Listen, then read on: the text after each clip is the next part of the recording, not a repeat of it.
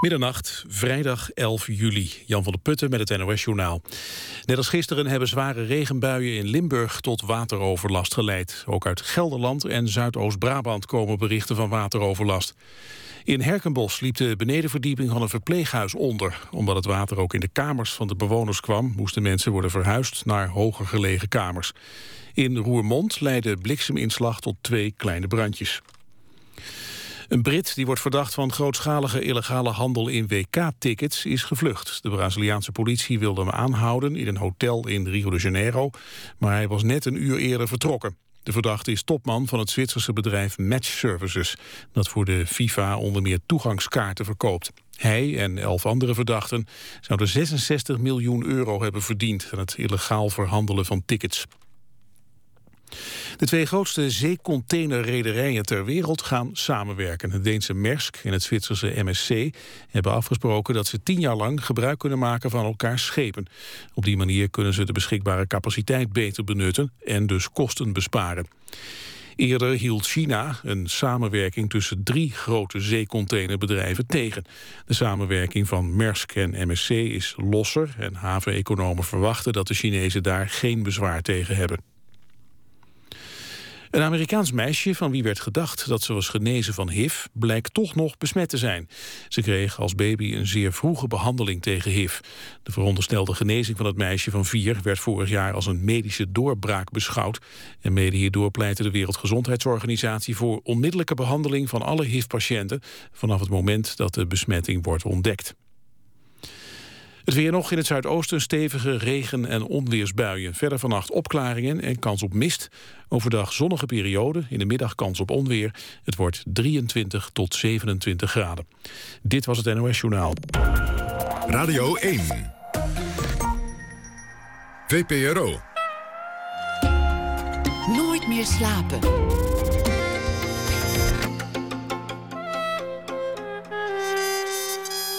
Met Pieter van der Wielen. Goedenacht en welkom bij Nooit meer slapen. Utjan Aikjol schrijft een verhaal voor ons en dat hoort u na één uur. Dat doet hij deze week elke dag, als er tenminste geen voetbal is. En dat verhaal gaat over iets dat vandaag is gebeurd. Morgen begint in Rotterdam het North Sea Jazz Festival met grootheden als Stevie Wonder, Pharrell, Quincy Jones. Straks een gesprek met een van de Nederlandse artiesten die zal optreden, gitarist Reinier Baas. Maar we beginnen met Jean Kwok. Girl in Translation, vertaald als Bijna Thuis, was de titel van haar eerste boek. Een bestseller in de New York Times bestseller top 10. Dat is heel bijzonder. Aangeprezen door Oprah Winfrey's uh, tijdschrift, maar ook door Steven Spielberg. En nu is er het vervolg, Dans met mij. Wederom geïnspireerd op haar eigen leven. Geboren in Hongkong, gemigreerd naar New York. Opgegroeid tussen kakkerlakken en tocht in Chinatown en doorgestoomd naar een academische carrière.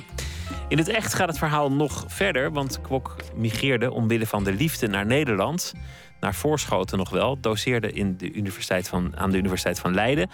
En werd vervolgens internationaal bestseller-auteur. De rechten van het eerste boek zijn inmiddels verkocht in 17 landen. Hartelijk welkom, uh, Jean. Hallo. Ik stel voor dat we het gaan hebben over zelfverwezenlijking. Want dat is eigenlijk het thema van je, van je beide boeken. Ergens in je nieuwe boek wordt een zin aangehaald van Lao Tse. Ik citeer hem uit het hoofd. Laat los wie je bent, zodat je kunt worden wie je zou kunnen zijn. En ja, ik denk dat dat inderdaad een uh, hele grote thema is in mijn werk. Um, het is niet natuurlijk uh, zo eenvoudig als dat. Uh, dat is iets wat je moet doen, want het is altijd een worsteling. En dat maakt het interessant. Ik denk dat voor mijn hoofdpersonage, Charlie, in een, in een nieuw boek, zij zit tussen twee werelden. Zij is een meisje die opgroeit in een gezin, in een traditionele Chinees gezin.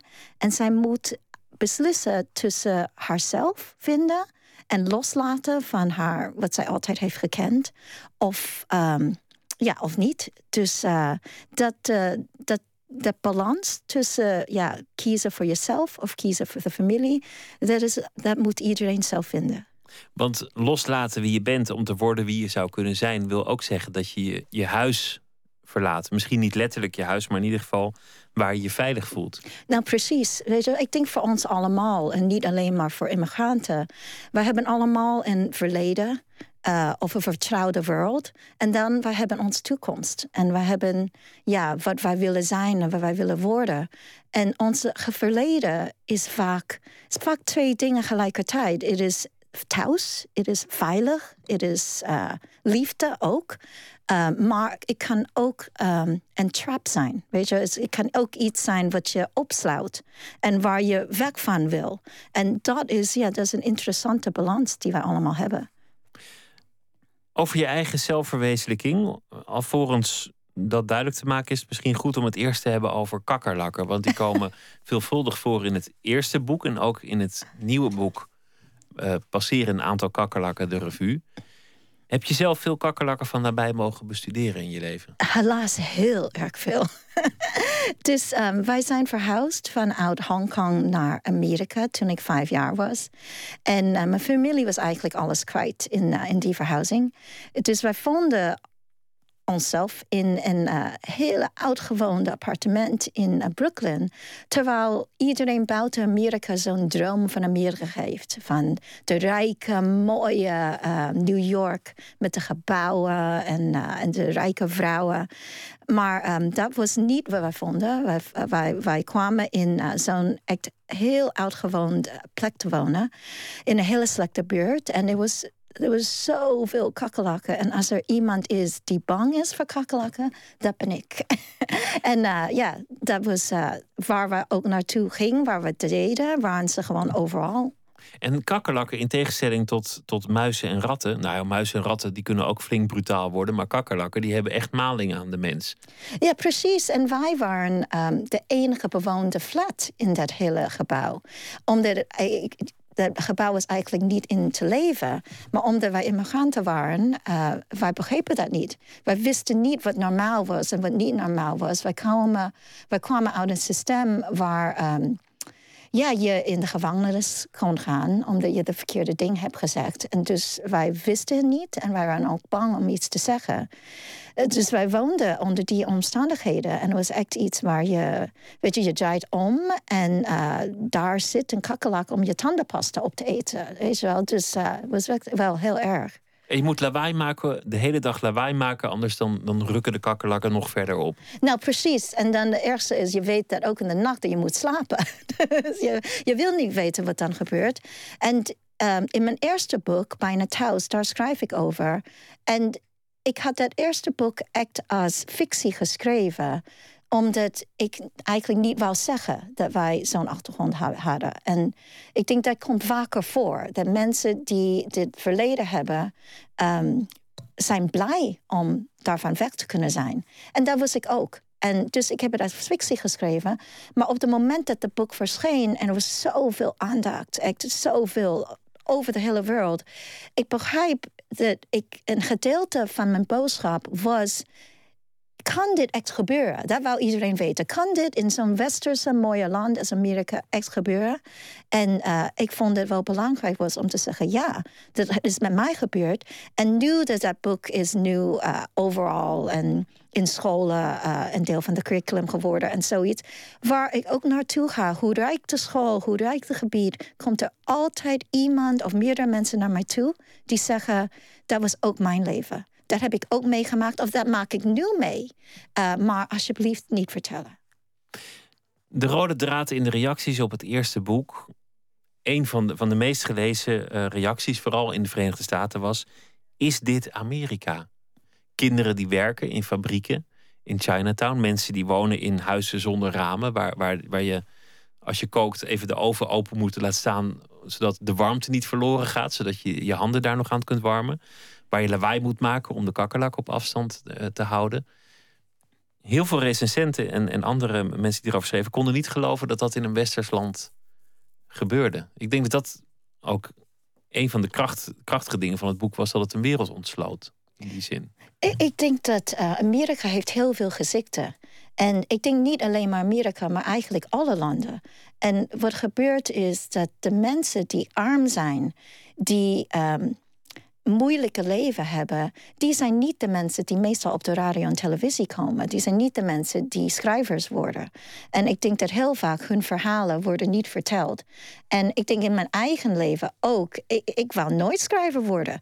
Toen ik jong was, omdat wij woonden uh, in dat appartement. En dat appartement had geen centrale verwarming. Dus het was echt in de winter is makkelijk min 20. En de muren waren gewoon kouder en kouder en kouder. Um, maar wij werkten ook in een kledingfabriek in de Chinese wijk. En ik begon daar toen ik vijf jaar was. Niet omdat mijn ouders mij wilden gebruiken, maar omdat er was niemand die thuis kon blijven om op mij te letten. Iedereen moest werken om gewoon te overleven.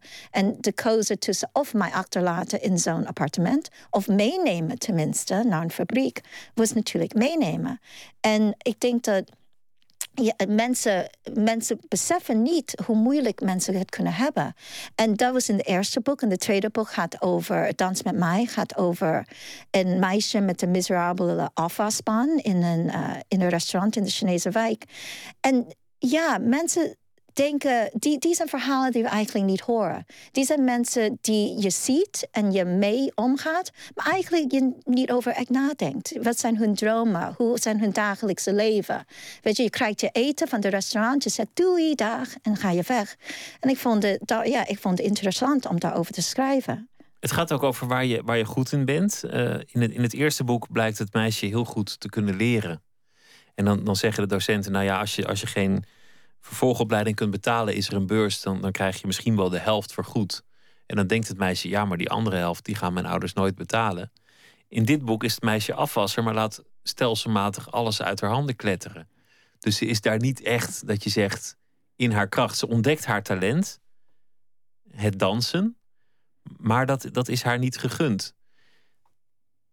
In hoeverre is dat autobiografisch? Heb jij zelf, want die academische carrière, daar wil ik het straks over hebben, die is er gekomen. Maar het dansen, is dat iets wat je zelf hebt meegemaakt? Ja, de, twee dingen die je hebt genoemd zijn echt heel erg van mijn eigen leven. Dus ik was um, je zou kunnen zeggen dat ik was gewoon een ramp als een Chinees meisje. dus ik was niet goed in alle dingen die meisjes goed in moeten zijn. Ik laat alles aanbranden tot die dag. Ik haat het om uh, schoon te maken. Ik, ik, ik, laat alles uit mijn handen vallen. Ik kan de weg nooit vinden. Dus uh, al die dingen had ik ook als kind. Um, en ja, vooral in een Chinees gezin was dat echt niet toegestaan. Zo, uh, ik was thuis, had ik zoiets als, oh, talentloos meisje. En uh, ik had één ding die mij heeft gered. En dat was dat ik was goed op school. En uh, dat was mijn enige gave. En daardoor heb ik dat leven in de fabriek kunnen ontsnappen. En dat was eigenlijk wat ik altijd wou. En het was niet tot ik bij de universiteit zat dat ik durfde mijn dromen te volgen. Dus ja, en dan in de, dus ik dacht, nou, mijn eerste boek ging over een meisje die heel arm is en toch een gave voor school heeft in bijna thuis. Maar in Dans met mij, ik dacht, nou, ik wil over de andere gedeelte van mezelf schrijven. Van de meisje die eigenlijk iedereen denkt, zij kan helemaal niks. zij is ook niet aantrekkelijk. Hoe vinden wij ooit een man die met haar zou willen trouwen? Um, en dat was hoe ik opgroeide. Assenpoester. Ja, ja, precies. Een, een Nederlands um, een bekende dichter en wetenschapper uh, speelde een rol in jouw leven. Want je maakte een academische carrière, kwam te werken in een, een laboratorium. En daar kwam je Leo Vrooman tegen, die, die veel luisteraars hier uh, uh, zullen kennen. In hoeverre heeft hij een rol gespeeld in, in de volgende grote stap van de academische carrière naar de literatuur? Nou, Leo is, de meest geweldig man ooit. En ik heb hem ontmoet toen ik 17 jaar was. Um, en hij was toen al heel oud. maar um, nee, ik had. Uh, net als ik zei eerder, ik wou wetenschapper worden. Want dat is een vaste baan. Ik was daar ook goed in. Dus voordat ik naar de universiteit ging, werkte ik in drie laboratorium. En uh, een van die was die van Leo's. En uh, het was een biophysics laboratory. Um, en ik heb daar met hem gedaan. En Leo is, weet je, hij is iemand die met je zit en allemaal vragen aan je stelt. gewoon over wie je bent, maar ook over de wetenschap. Hij geeft je echt, uh, weet je, vragen, mysteries die je gewoon op dat moment moet oplossen. Um, en ik vond hem, hij is gewoon iemand met zo'n enorme grote geest. Hij houdt van iedereen en van alles. En, um, en eigenlijk in Dans met mij, aan het begin van het boek, ze zijn boeddhistisch en dus ze willen niks doodmaken. Dat doe ik ook niet, probeer ik mijn beste niet te doen. Dus zelfs niet kakkelakken en uh, ook geen spinnen. En zelfs dat ik zo bang voor alle insecten ben. En uh, er is een moment aan het begin van het boek waar uh, als boeddhisten pa, de vader en de twee meiden, Charlie en Lisa, proberen vliegen en, en muggen te vangen in hun appartement. Om te vangen met een net en weg te laten, uh, laten gaan buiten het raam. Maar de muggen gaat uh, pa verpletteren met een hoofdkussen. En dat heb ik van Leo geleerd. En hij was geen boeddhist, maar dat deed hij altijd. Hij ging, Leo Vroman ging altijd in zijn appartement met een hele dikke hoofdkussen.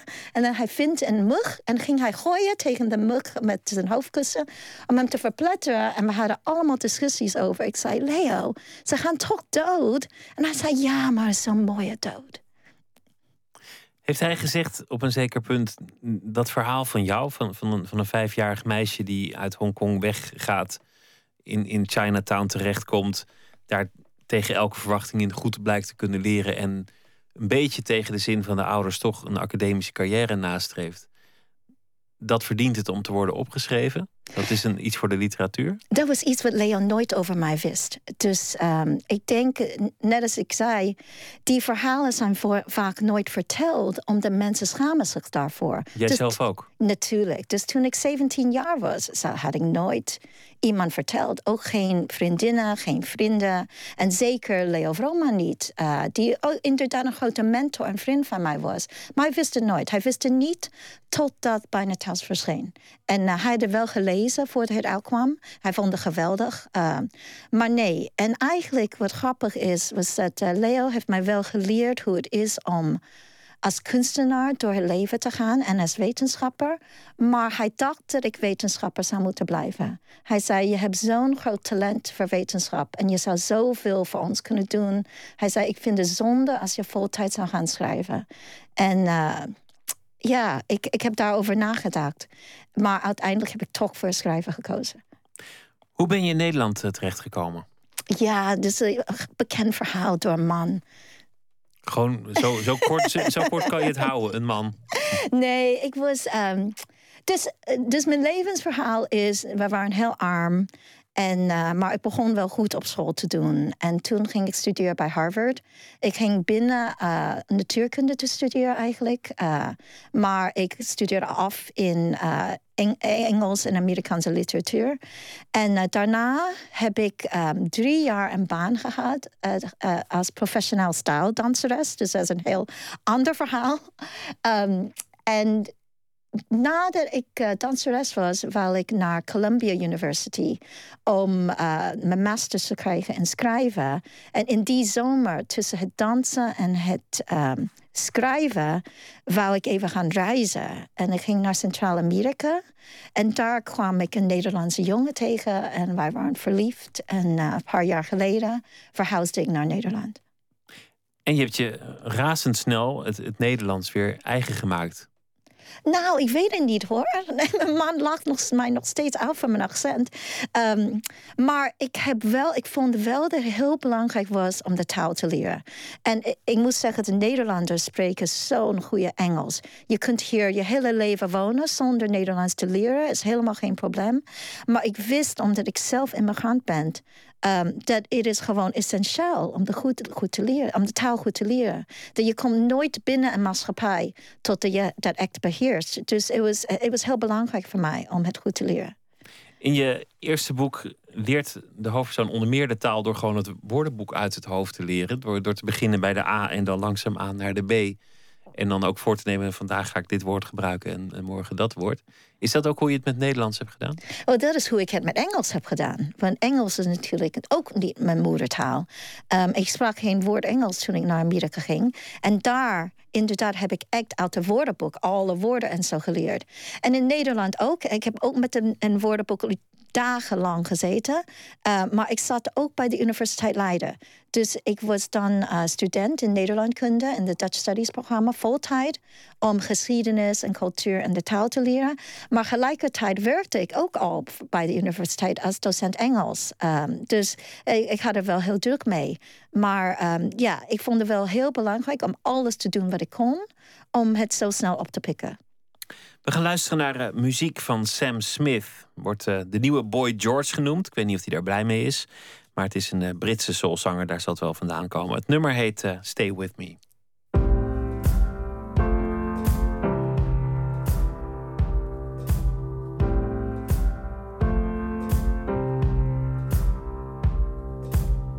Guess it's true, I'm not good at a one-night stand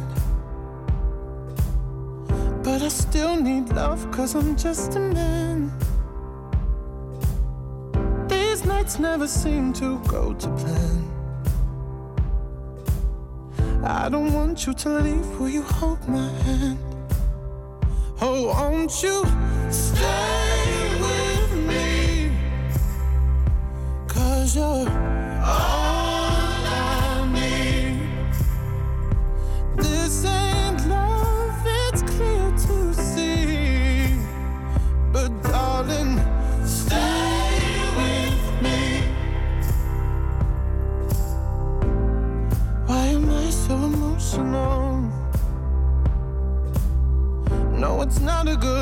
And some self control. deep down, I know this never works. You can lay with me so it doesn't hurt. Oh, won't you stay with me? Cause you're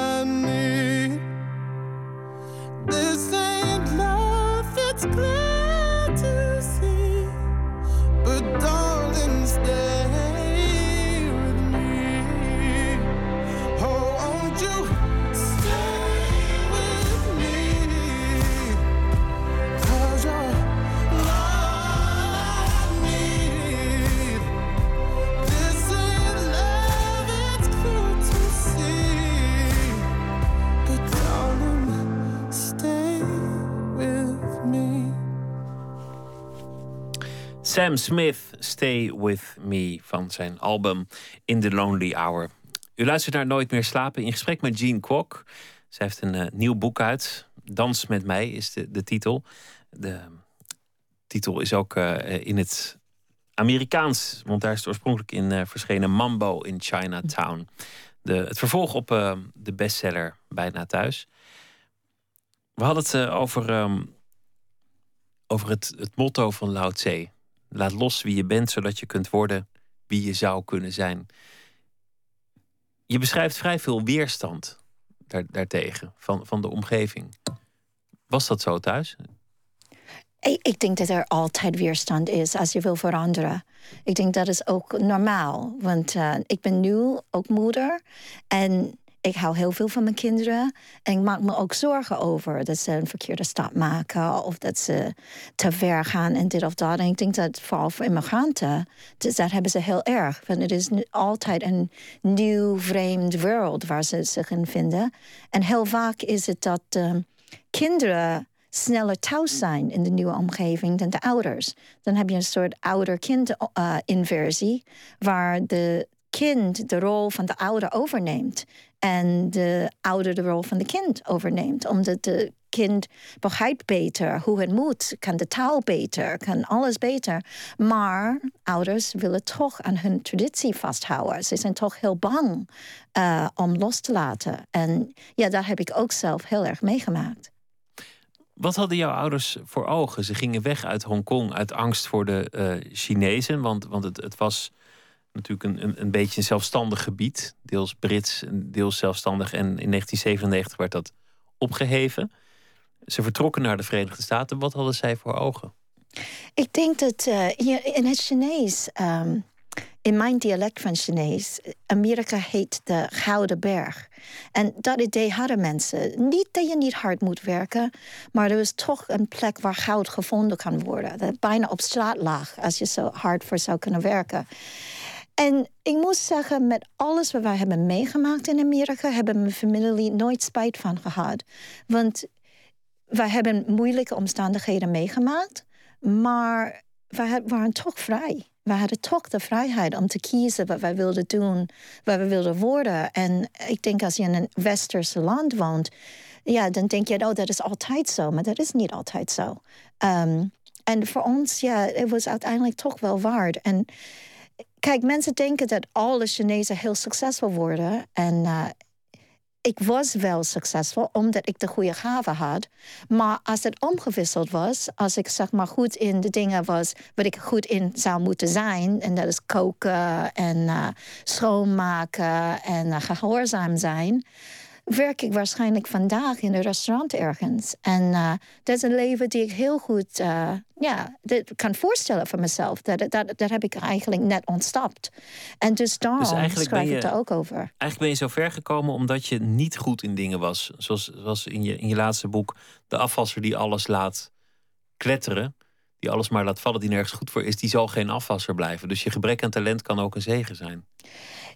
Ja, ja dat is zo. Dat, uh, dat je, als je de goede talenten hebt, kan je heel ver komen in het leven. Maar het betekent niet dat je beter bent.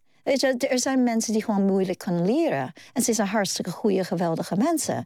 En ze kunnen ook diep zijn en wijs zijn en grappig en aardig. Um, en ja, de maatschappij is zo dat bepaalde talenten, eh, ja, krijg je meer mee dan uh, met andere talenten. Maar dat betekent niet dat de andere mensen waardeloos zijn. En ik denk dat iedereen heeft het recht om hun verhaal gehoord te laten zijn. Het is eigenlijk de American Dream. En volgens mij is dat ook wat Oprah Winfrey en Steven Spielberg in het boek zagen. En is dat ook de reden waarom heel veel Amerikanen het boek hebben omarmd en ook op, op scholen actief dat boek uitdelen aan leerlingen, omdat het de American Dream is. Ik denk dat mijn eerste boek, Bijna Thuis, um, kan gelezen geworden als The American Dream, omdat het gaat over een arm meisje die heel succesvol door school wordt. En de tweede boek, Dans met mij, is natuurlijk ook een assepoester verhaal, in dat het gaat over een meisje die zichzelf vindt en haar eigen talenten vindt en uh, danseres wordt vanaf uh, een afwasbandje. Maar de tweede boek gaat eigenlijk tegenover de American Dream. En dat zij is niet succesvol op de normale manier. Zij is niet goed op school. Zij is, niet, zij is slim, maar um, niet op een praktische manier. Niet op een schoolse manier. En uh, mijn boodschap, als je kunt zeggen over een boodschap in literatuur... was meer dat uh, iedereen heeft hun eigen talenten. Iedereen heeft de dingen die zich die ze bijzonder maakt. En dat die dingen heel belangrijk zijn om te vinden. En ja, als de maatschappij dat waardeert, geweldig. En als niet, dan is het ook geweldig. Tegelijk was het, was het um, vooral het eerste boek een openbaring van gebeurt dit in Amerika? Laten wij dit bestaan? Hebben wij dit binnen onze grenzen? Kinderarbeid, uh, zulke penibele omstandigheden. Geloof jij eigenlijk in de American, American Dream? Oh, absoluut, 100% Ik denk dat um, het is moeilijker dan mensen denken. En dat het is. Um, dat er zijn natuurlijk zoveel verhalen van mensen die. Um, die gebruik maken van de zwakker in de maatschappij. En die natuurlijk horen niet bij een hele mooie, schone beeld van de American Dream. Maar als je vraagt, ja, zal ik liever dat ik in New York opgegroeid was of in uh, China, dan had ik echt 100% voor New York gekozen. Ook, ook voor Nederland. Ik denk dat uh, de vrijheid, de kans om te worden wat je wil zijn.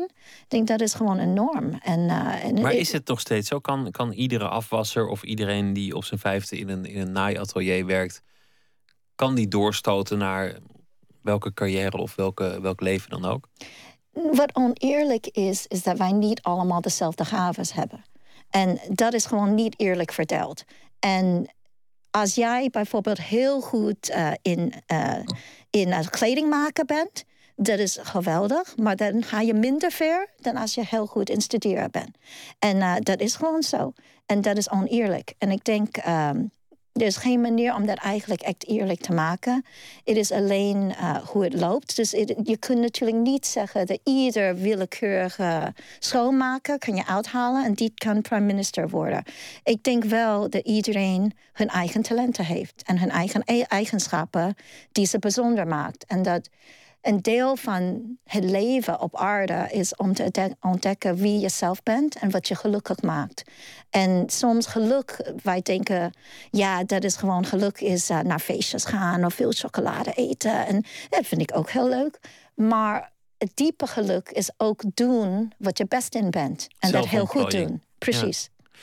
Ik denk dat er ook heel veel Pavarotti's of uh, andere grote talenten zijn die, die staan te schoonmaken om, omdat er eenvoudigweg geen enkele kans is om daaraan te ontsnappen. Ja, precies. En het is ook een gedeelte hard werk en gedeelte geluk.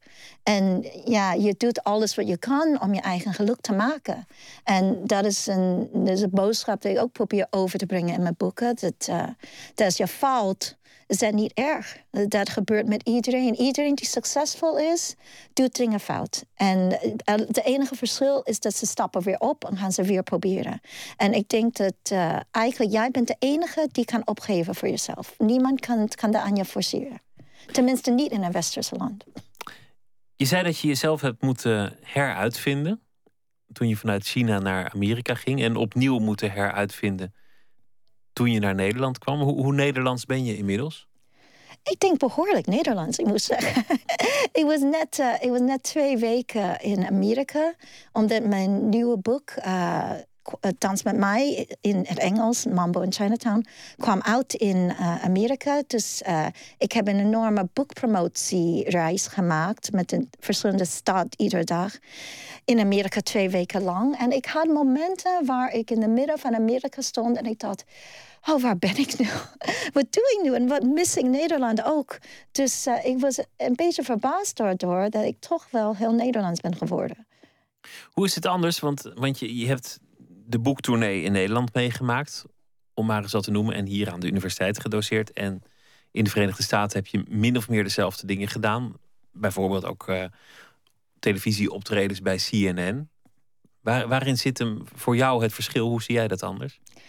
Wel, voor als een auteur, natuurlijk in Amerika, je bent echt een ster. Dus in Nederland ook. Ik ben ook herkend soms op straat. Maar um, alles is natuurlijk veel groter in Amerika. En dan heb je een chauffeur en heb je, weet je, heb je een team die je omsingelt en die je overal meeneemt. En hoef je nooit je eigen tas te dragen of je eigen jas. En is allemaal is wel heel aardig. En wat ik leuk aan auteur zijn vind, is dat de mensen die, met wie je werkt, zijn eigenlijk mensen die heel veel van boeken houden. En ze hebben eigenlijk een baan gevonden in de uitgeverijwereld. Um, en dat is zo dat ze dik bij boeken kunnen zijn. En dat is natuurlijk heel leuk. Maar in, in Nederland uh, dan ja, is veel meer gewoon. En, maar is ook heel leuk. Weet je, de, de stress is ook minder. Want bij CNN of zoiets, je weet, je hebt zoveel minuten. En um, dan je moet je interview in die tijd doen en dan is het af. En in Nederland is gewoon veel meer tijd en veel meer rust voor wie je bent en hoe zit het precies en wat vind je daarvan. Je kwam binnen en je zei hier in deze studio en je zei ja, ik, ik, ben, ik heb een beetje een jetlag, maar ik ben ook nog een beetje getraumatiseerd van het voetbal van gisteren. is heel waar. nou, dat is echt waar. Ik vond het zo erg. Dus uh, met voetbal, ik begrijp niet heel veel van voetbal, moet ik eerlijk zeggen. Maar ik begrijp wel als we winnen of niet. Um, en nou, ik, ik, ik, ben wel heel trots op uh, onze Nederlandse team. Maar ik heb natuurlijk ieder wedstrijd gevolgd. En ook in, uh, in Amerika. Ik zat soms in de vliegtuig tijdens een Nederlandse wedstrijd. Dat kan natuurlijk helemaal niet, dus ik word helemaal gek. En ik heb online verbinding op de vliegtuig genomen en dan via Twitter uh, de NOS live blog gevolgd. Dus ik kon weten precies wanneer het doel gescoord was of niet. dus ik snap er niet heel erg veel van, maar ik ben helemaal oranje. Nou, dan ben, je, dan ben je wat mij betreft gewoon volledig geïntegreerd, toch? Dat, dat is volgens mij de Nederlandse identiteit. Stro, stroopwafels en voetbal meer is er niet. nou, misschien wel. Ik denk wel dat wij uh, een van de weinige huizen in Nederland waren... waar wij allemaal gingen bidden voor de Guanyin dat Nederland zou winnen. En de Guanyin is een bodhisattva, een soort boeddha die ik heb in ons huis. En uh, mijn kinderen gingen allemaal zeggen... oh, Guanyin, alsjeblieft, laat maar Nederland een doel En mijn kinderen, ze weten wel dat de Guanyin helemaal niks van, uh, van voetbal snapt. Net als ik. Dus dan zeiden ze, ja, het moet niet in de doel met de groene mannetje gaan. Het moet wel in de doel met de andere mannetje. Dat is een mooie vermenging van, van, van meerdere culturen uiteindelijk. De, de Guanyin vragen of, of uh, Nederland het voetbal uh, mag winnen. We gaan weer luisteren naar muziek van These Ghosts. En dat is een... dat is een. even kijken. Ga, oh, we gaan een ander plaatje draaien. Nou ja, whatever. We gaan muziek luisteren.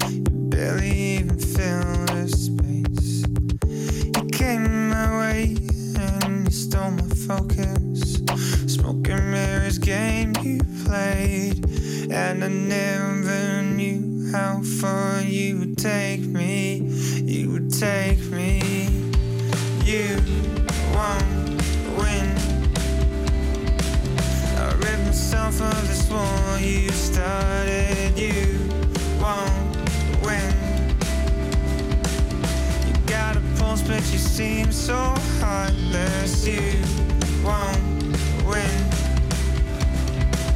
You find another to tear.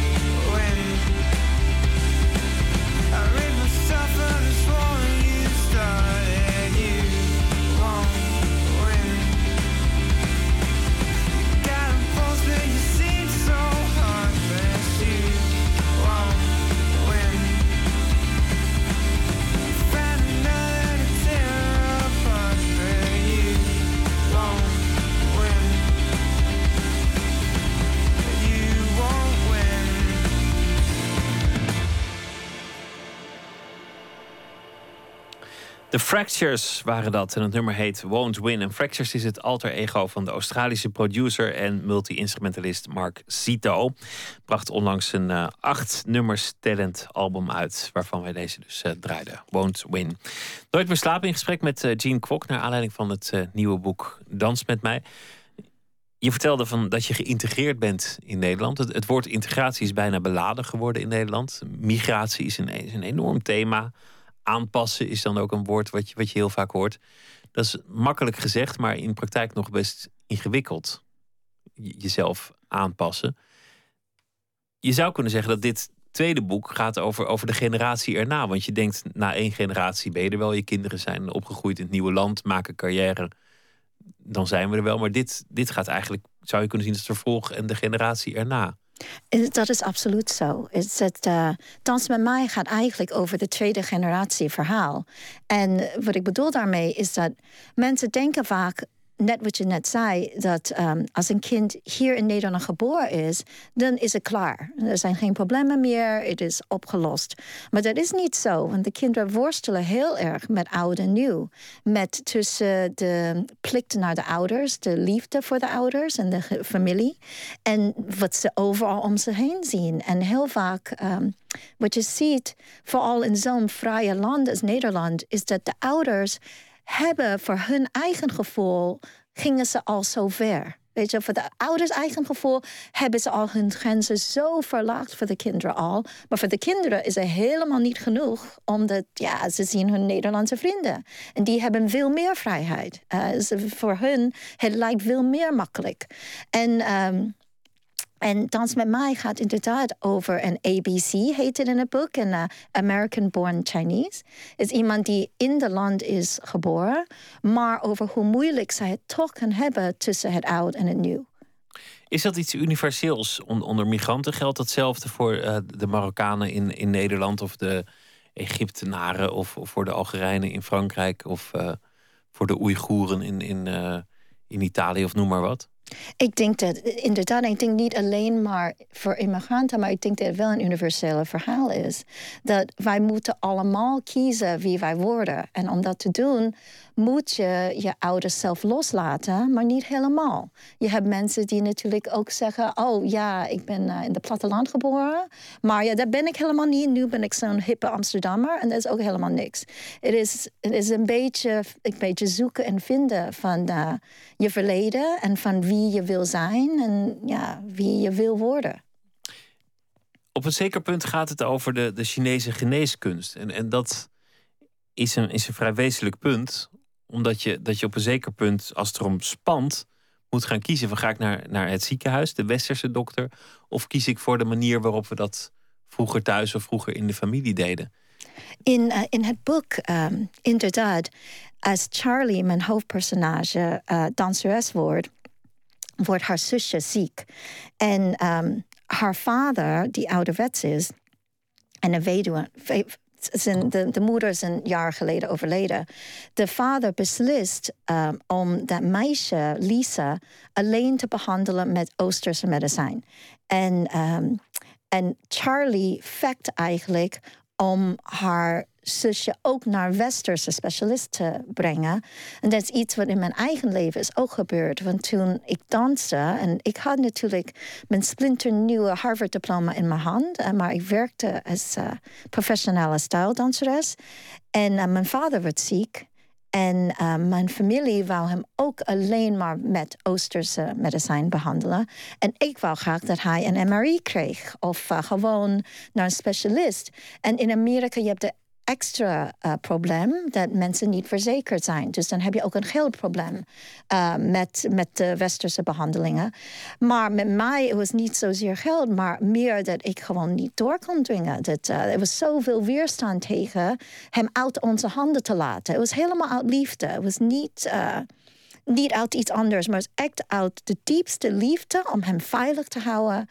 Dat ze hem niet naar een uh, westerse ziekenhuis wil laten gaan om te laten diagnose. Diagnose. Diagnosticeren, ja. Ja, precies.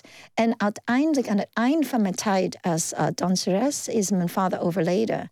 En uh, wij, wij weten nog steeds niet wat hij had. Toch moet je ook niet helemaal afgeven op de Chinese geneeskunst, want er zijn ook ziektes waar ze in het Westen niks mee kunnen, die, die door Chinese geneesheren prima worden, worden opgelost. Absoluut. En uh, dat is de ingewikkelde van het leven. Je kunt niet zeggen, oh, ja, Chinese kunst, dat werkt helemaal niet, want dat is niet waar. Het werkt wel. Heel veel dingen werken wel. Acupunctuur en, uh, en uh, bijvoorbeeld, er komt ook een Chinese heks voor in het boek. En ja, je hebt neppen en je hebt echte paragnosten. Je hebt, weet je, het is heel moeilijk om te onderscheiden wat is wat. En dat probeer ik ook weer te spiegelen in mijn boek. Dat je kunt niet zeggen, één kant is zwart en de andere kant is wit. Het is alleen allemaal balans. En het is echt dat yin-yang geloof. Dat uh, je hebt zwart en je hebt wit. En ze houden elkaar in balans. En je hebt allebei nodig. Je ouders zijn niet meer in leven? Nee. Allebei uh, gestorven in hun nieuwe vaderland, de, de, de, Verenigde Staten. Hoe is het met hen zelf eigenlijk afgelopen? Well, Zaten zij nog in, in, met, hun, met hun hart en ziel toch uiteindelijk in Hongkong? Of heeft de stap voor hun zelf goed uitgepakt? Ik vind het een hele goede vraag. Um, mijn vader had meer moeite mee. En um, in, in mijn nieuw boek, in Dans met mij, de, de moeder, voordat zij overleden was, uh, zij was danseres, zij was een ballerina in uh, China. En zij heeft haar verlaten voor de liefde. Zij ging naar Amerika met de vader. En eigenlijk had ze heel erg spijt van. Uiteindelijk voor haar was de liefde niet genoeg om... Uh, voor haar opoffering uh, van haar liefde, geliefde dans. En omdat uh, zij moest werken natuurlijk en zij zat in de restaurantleven en ze begreep niet hoe de danswereld hier werkte. En voor mijn vader was het ook zo. Ik denk niet dat hij er spijt van had dat wij verhuisden, maar hij verlangde naar China. Dat was accent house en uh, dat, was, was waar hij echt de man was en een vader en de oude zin van de wereld, van de woord. En daar, daar, was hij heel verdrietig over. Ik denk voor de rest van ons, van mijn moeder en zeker voor de kinderen, wij waren allemaal heel blij om uh, een nieuw leven te kunnen opbouwen in het Westen. Het was moeilijk, maar wij kregen genoeg voor terug. En het is iets wat ik denk mensen moeten ook beseffen. Dat met mensen die migreren naar een ander land, de oudere mensen geven alles op. Ze geven hun familie, hun vrienden, hun diploma's. Hoeveel taxichauffeurs hier hebben eigenlijk een diploma in engineering van hun eigen land? Weet je, maar je ziet het niet meer omdat ze de taal niet goed beheersen. Ze zijn helemaal opnieuw begonnen en heel vaak doen ze het voor de toekomst van hun kinderen. Terwijl als die kinderen het dan maken, ze het eigenlijk niet, toch niet kunnen waarderen, omdat ze het doen op een manier die zij niet echt begrijpen. Die doen het volgens de normen van het nieuwe land. Ja, is altijd een conflict. nou, precies, dat is zo. Um, maar ik denk dat ze wel uiteindelijk heel trots zijn. Ik heb zoveel mensen gesproken um, te zeggen: ja, ik heb wel alles opgegeven, maar mijn kinderen zitten op een goede school of ze hebben een goede baan. En ik ben daar zo blij mee. Het is absoluut 100% het waard. Um, en ik, ik, ik denk dat dat is eigenlijk een teken van hoeveel ouders van hun kinderen houden.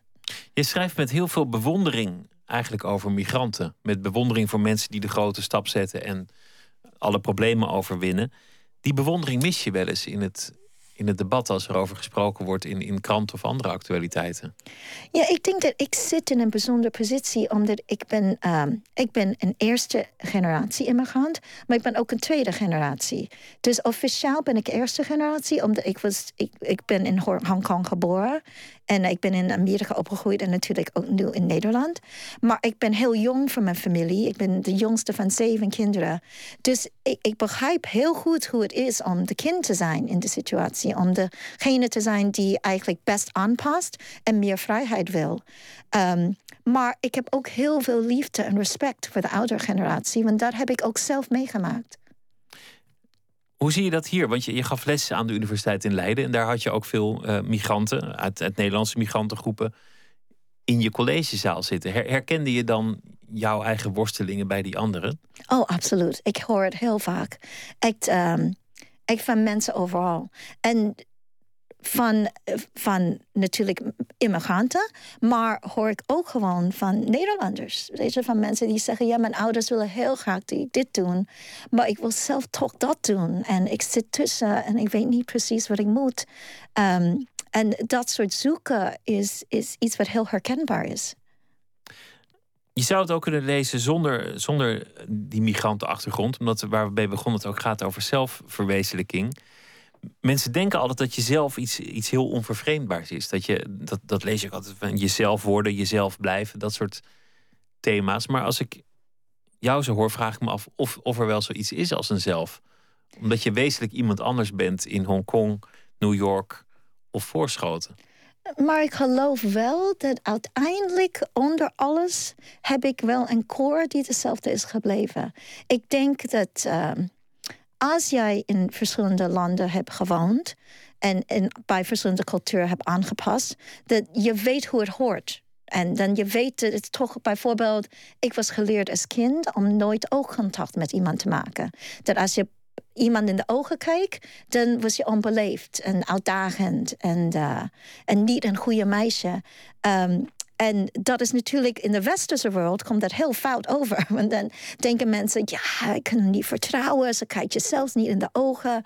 Uh, en dat soort dingen zijn bepaald door cultuur. En ik denk cultuur is een soort laag of een gordijn waardoor wij elkaar kijken. En, en ja, een grote reden die ik de boeken schrijf, die ik schrijf, is dat ik hoop dat gordijn even open te maken voor mensen. Dat ze kunnen zien, eigenlijk zijn we gelijk. Zijn we ook allemaal, hebben dezelfde soort angsten, dezelfde soort liefde, dezelfde soort wensen. Alleen, ja, heb je dit cultuur- en taalgordijn tussen. Het succes van het boek was, was gigantisch. Ik zei helemaal aan het begin dat, het, uh, dat de rechten aan 17 landen maar liefst zijn uh, verkocht. Steven Spielberg is een fan van het boek, dat heeft hij uh, laten weten. Wil dat ook zeggen dat er dan nu een, een, film van komt? Er zijn mensen bezig met de film- en televisierechten voor beide boeken op dit moment. Um, maar ja, meer kan ik op dit moment niet zeggen. Ik hoop natuurlijk wel dat het allemaal goed loopt. Er zijn mensen in Hollywood die um, heel veel van beide boeken houden. Uh, maar het is een lang en ingewikkeld proces om een film of een televisieserie te maken. Dus we moeten gewoon duimen. Oké, en in wat voor circus ben je terechtgekomen? Want, want uh, eh, 17 landen zijn de rechten verkocht, 14 landen is het boek al vertaald. Je bent in een aantal van die landen ook uh, uitgenodigd om, om daar interviews te geven. Uh, in Amerika is het een enorm succes geweest. Op heel veel scholen wordt het, wordt het onderwezen. Kun je me een beetje vertellen hoe jouw leven er nu uitziet? Want je bent fulltime auteur, niet meer aan, aan de universiteit verbonden. Maar je woont in Voorschoten. Hoe ziet jouw leven eruit? Ben je, ben je veel op reis? Ik ben veel op reis. Um, en als ik thuis ben, heb ik het heel erg druk. En wat, wat grappig is, ik ben natuurlijk ook moeder.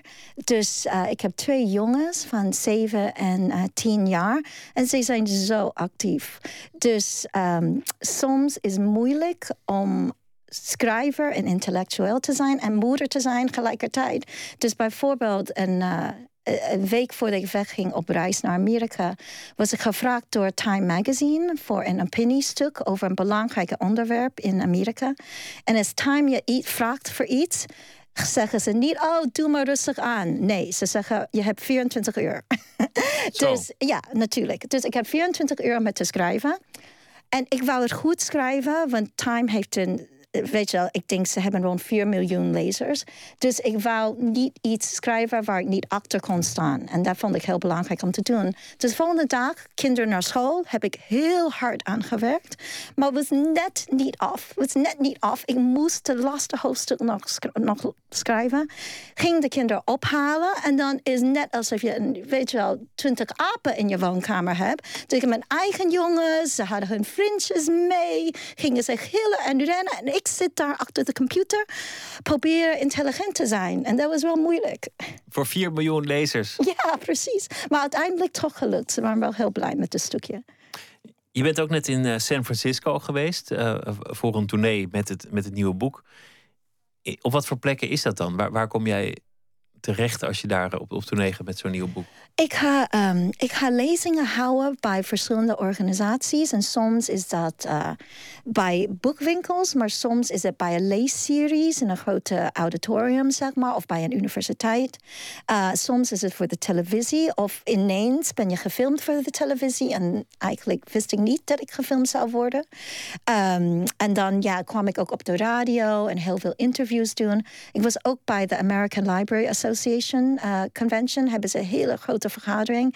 In Las Vegas was het dit jaar. Dus ik was daar ook voor een paar, uh, een paar dagen. En dan zit je echt met duizenden, ik denk 25.000 mensen uit de bibliotheek komen. Ja, je boek lezen en je hem te horen. Dus het is allemaal heel leuk en heel bijzonder. Het is, je American Dream is uitgekomen mag ik wel zeggen. En, en mijn Nederlands dream. Jean Kok, dankjewel voor je, je komst en heel veel succes met alles wat uh, op je pad uh, gaat komen. De titel van het boek noem ik nog even Dans met mij. Dankjewel. En wij gaan luisteren naar um, These Ghosts en het nummer heet Coat of Feathers.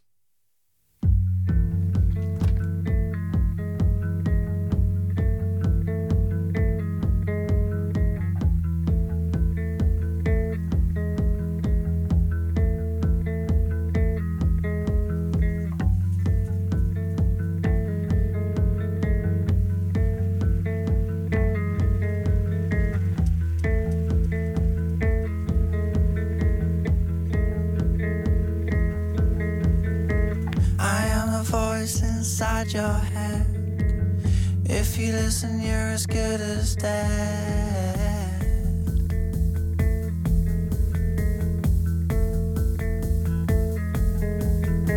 I am the laughter as you hit the floor. TV cameras crying out for more.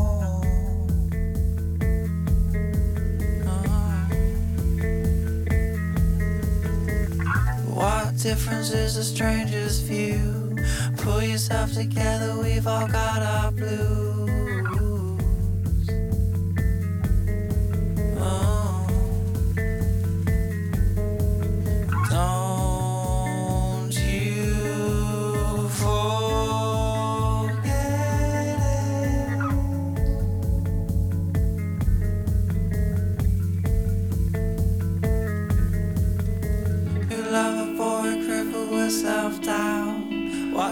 Destroying from the inside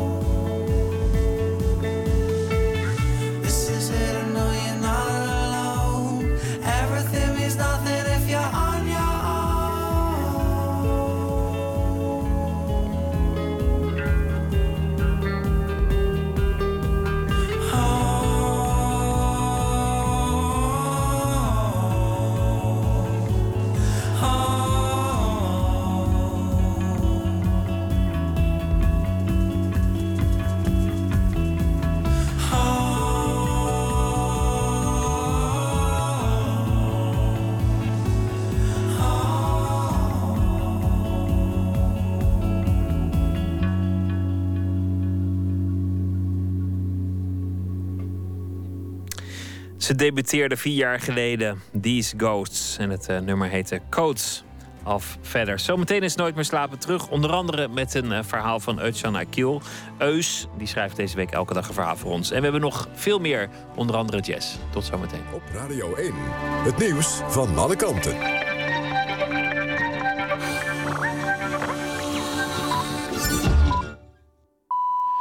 1 uur, Jan van der Putten met het NOS-journaal. Noodweer heeft tot overlast geleid in het midden en zuiden van het land. Op veel plaatsen zijn straten ondergelopen en is er waterschade.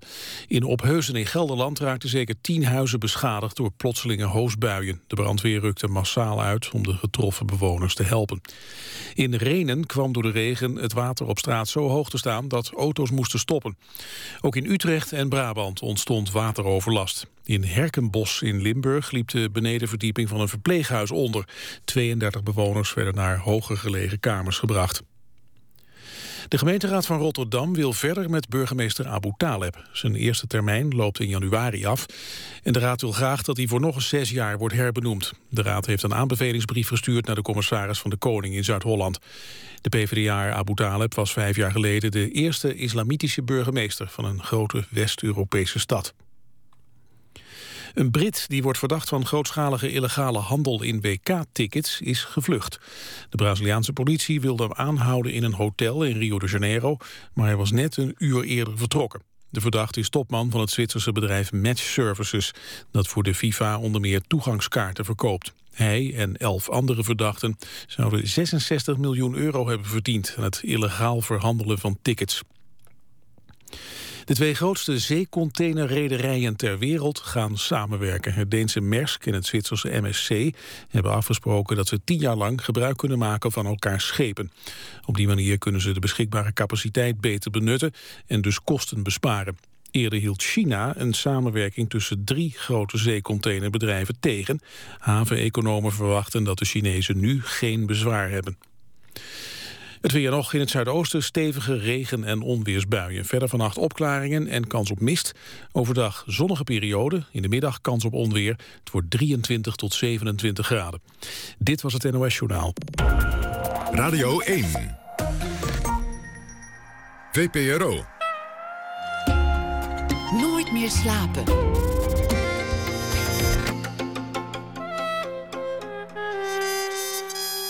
Met Pieter van der Wielen.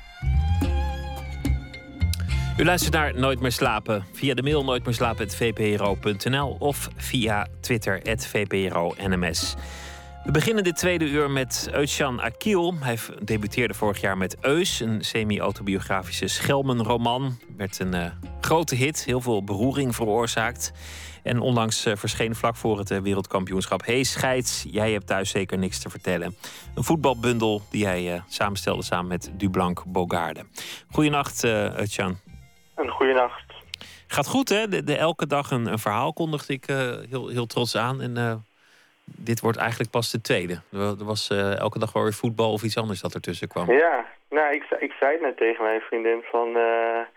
Ze, ze, bellen meestal rond één uur, zei ik. En toen zei ze, oh, vaak ben je al geweest? Ik zei, het is de tweede keer en ook de ene laatste keer. Dus ja, voetbal, hè? Ja, voetbal. Nou, je, moet, ja. je moet gewoon die opdracht nog maar een keer aanvaarden. Nou, met, uh, uh, met heel veel plezier. Mooi. Wat heeft je vandaag uh, bezig gehouden? Um, ik lees altijd het regionale nieuws in Deventer. Um, de kleine berichtjes zijn vaak opvallend vanwege... Ja, het, het, is natuurlijk niet groot nieuws. Het bereikt nooit het grote publiek, maar er gebeuren kleine dingen. En die kleine dingen zijn zo absurd dat je soms afvraagt van ja, waarom staat het in de krant? Um, en zo'n bericht las ik vandaag in het suffertje bij ons in Deventer. En uh, het ging over een uh, inbraak die was gepleegd. En het enige wat er ontbrak, of wat er wat was meegenomen, dat was een doosje Ritalin. Dus de boef had een doos Ritalin meegenomen uit het huis. En was toen weer weggegaan. En er waren wel sporen van braak? Ja, er was ingebroken, uh, deur was geforceerd. Uh, dus die persoon, die inbreker, is binnen geweest, heeft een tijd rondgelopen en rondgekeken. En uiteindelijk heeft hij alleen maar een doosje Ritalin meegenomen. Misschien vond hij de rest van de spullen gewoon niet mooi. Dat is bijna een belediging voor degene bij wie je inbreekt... als je alleen maar de medicijnen wil hebben. Dan vind je, Ja. de, dan vind je de kunst niet mooi en, en de spullen niet waardevol. Dat, dat kan inderdaad zo zijn, maar ik dacht nog aan een ander scenario. En daar heb ik mijn verhaal over geschreven. Goed, Of eigenlijk is het een brief. laat horen. Beste boef, er lagen vier gouden armbanden in het antieke juwelenkistje van mijn bedgoedmoeder. Een voormalige hofdame die zeer intiem was met de oude vorstin, waardoor ze in een later stadium van haar leven, toen ze al met pensioen was, niet alleen wat juwelen erfde, maar ook een dozijn goudstaarten. Eén daarvan had je onder ons bed kunnen vinden, tussen de schoenendozen en fotoalbums. Iets hoger, onder de kussens, ligt het geld van mijn vrouw, ze pint dat iedere vrijdag omdat we steeds bang zijn dat de banken zullen instorten en ons vermogen in één klap zal verdwijnen. We hebben liever papier, dat kunnen we tenminste met onze levens bewaken. Op weg naar de uitgang zag je vast dat pimpelpaarse spaarvarken, pontificaal op de keukentafel. Daar stoppen we iedere week al tien jaar 20 euro in. Het is bedoeld voor de studie van onze dochter. Ik moet soms echt proppen, omdat het ding zo vol zit. Mijn vrouw zegt dat we het bij een bank moeten inruilen voor coupures van 500 euro. Ik denk dat ze een punt heeft. Wat vond je eigenlijk van ons huis? De schoonmaakster is vandaag langs geweest, een paar uur voor jouw komst. Ze is ontzettend goed in haar werk, maar wel een warhoofd. Vanavond bijvoorbeeld liet ze per ongeluk haar loon in de vensterbank liggen. Het vaste plekje. Ja goed, we betalen haar zwart, maar wie doet dat niet tegenwoordig? Hoe dan ook, we hebben vanzelfsprekend de politie moeten inlichten over de inbraak. Het eerste wat ze vroegen was of we iemand toestemming hadden gegeven om in, ons, om, in ons huis te komen. Dat is een gekke vraag, vind je niet? Anders zou ik de politie toch niet bellen. Wat denken ze eigenlijk? Zo van, ja, een onbekende man of vrouw kreeg toestemming om hier te komen. Daarna vroeg de politie wat er was meegenomen. We hebben goed rondgekeken, mijn vrouw en ik. En in die zoektocht vonden we een hoop spullen die al uit onze geheugens waren verdwenen. Gek genoeg ontbrak er maar één ding, een doosje Ritalin. Dat hebben we ooit op de kop getikt, omdat het een leuke partydruk zou zijn. Ik nam twee pillen tijdens een concert, danste een beetje met mijn vrouw, maar er gebeurde niet echt veel.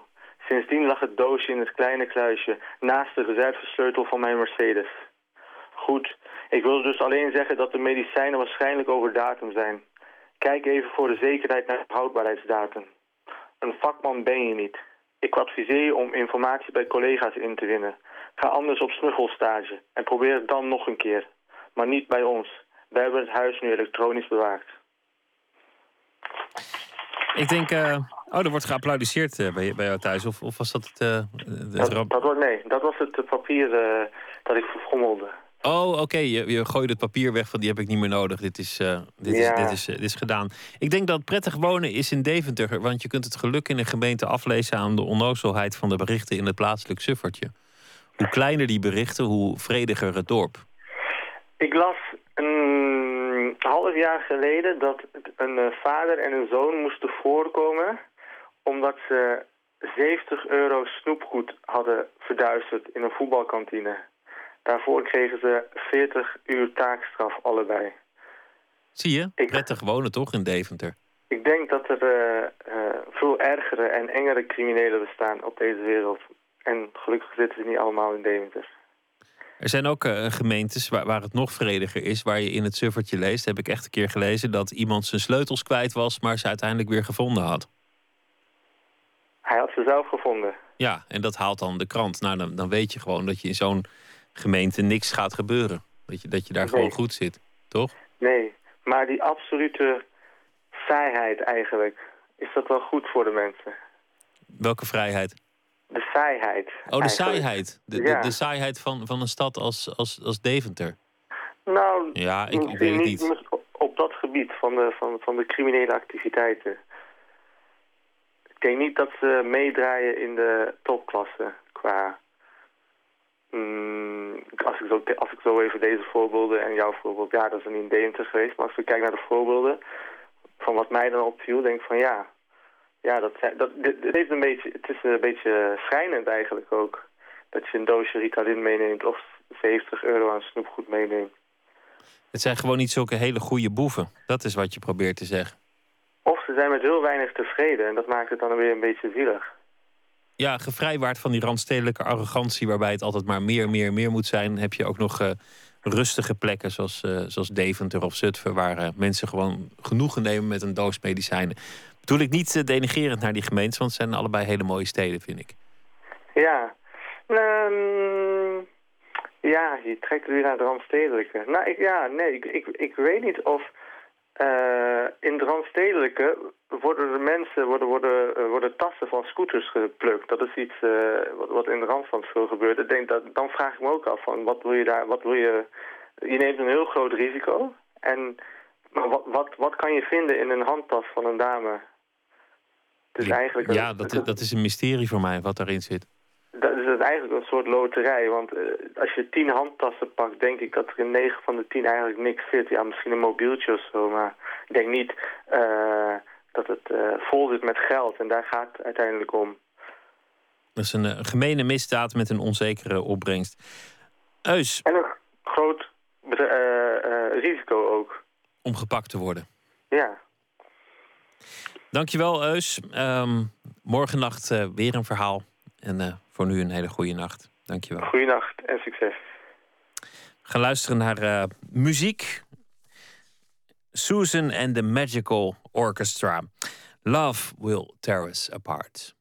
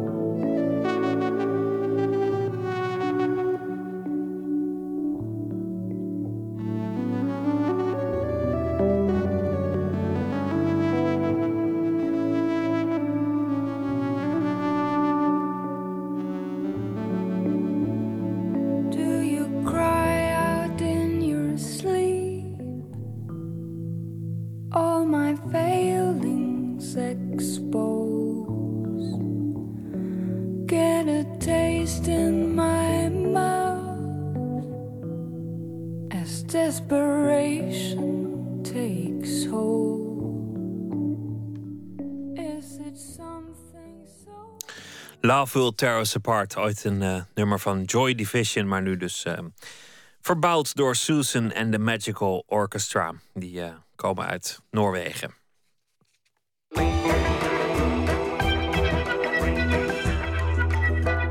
U luistert naar de VPRO op Radio 1 Nooit meer slapen. Morgenavond, vrijdag, begint het North Sea Jazz Festival in Rotterdam.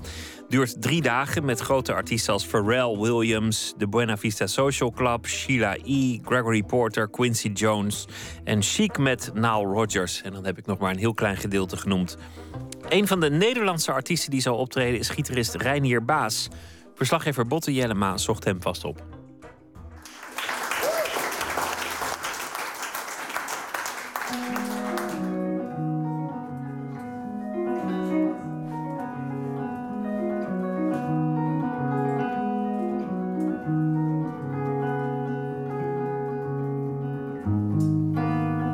tref Reinier in galerie Lisplein 5 in Rotterdam... waar hij voor een bescheiden publiek een optreden verzorgt... met saxofonist Ben van Gelder.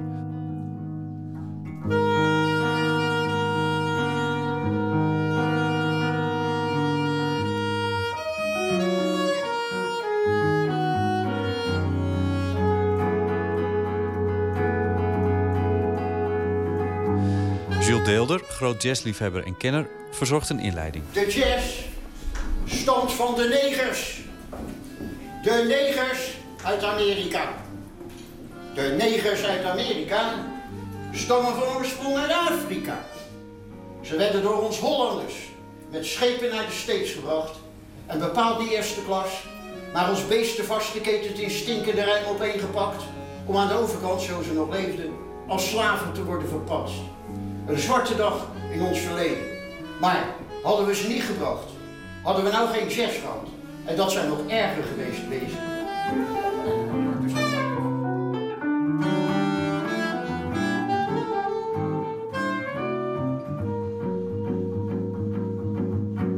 Ik schiet Deel er even aan, want... Je wil natuurlijk weten wat ik ervan vond. Ja, Nou ja, kijk, ja, ik deed me af en toe heel erg denken aan Lee Konitz. En met, eh, in, in, in zijn opname met, eh, en dan met die... eh, er zit ook een gitarist bij. En dan eh, Le- Lenny Tristano. en Jules Deelder met zijn enorme jazzkennis haalt alt-saxofonist Lee Konitz aan... en pianist Lenny Tristano. Beiden werkten in de jaren 40 en 50 samen met Miles Davis...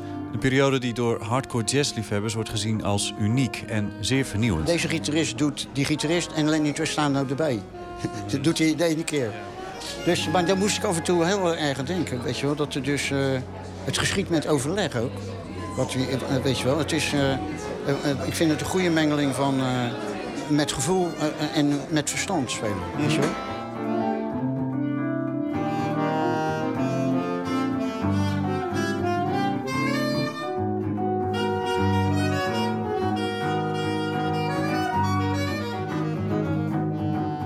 Wat ik ook bijzonder leuk vind, is hoe ze die eh, standards aan... Weet je wat? Die, Body and Soul. ja, dat lied bestaat. Dus. En daar zijn, eh, hebben al ontelbare jazzmuzikanten natuurlijk hun visie opgegeven. En dit was weer, dat vond ik eh, interessant. Maar ook die andere, die, eh, die C-Jam Blues, weet je wel, of Duke's Place. Wat ze deden. Pada, pada, pada, pa, pa.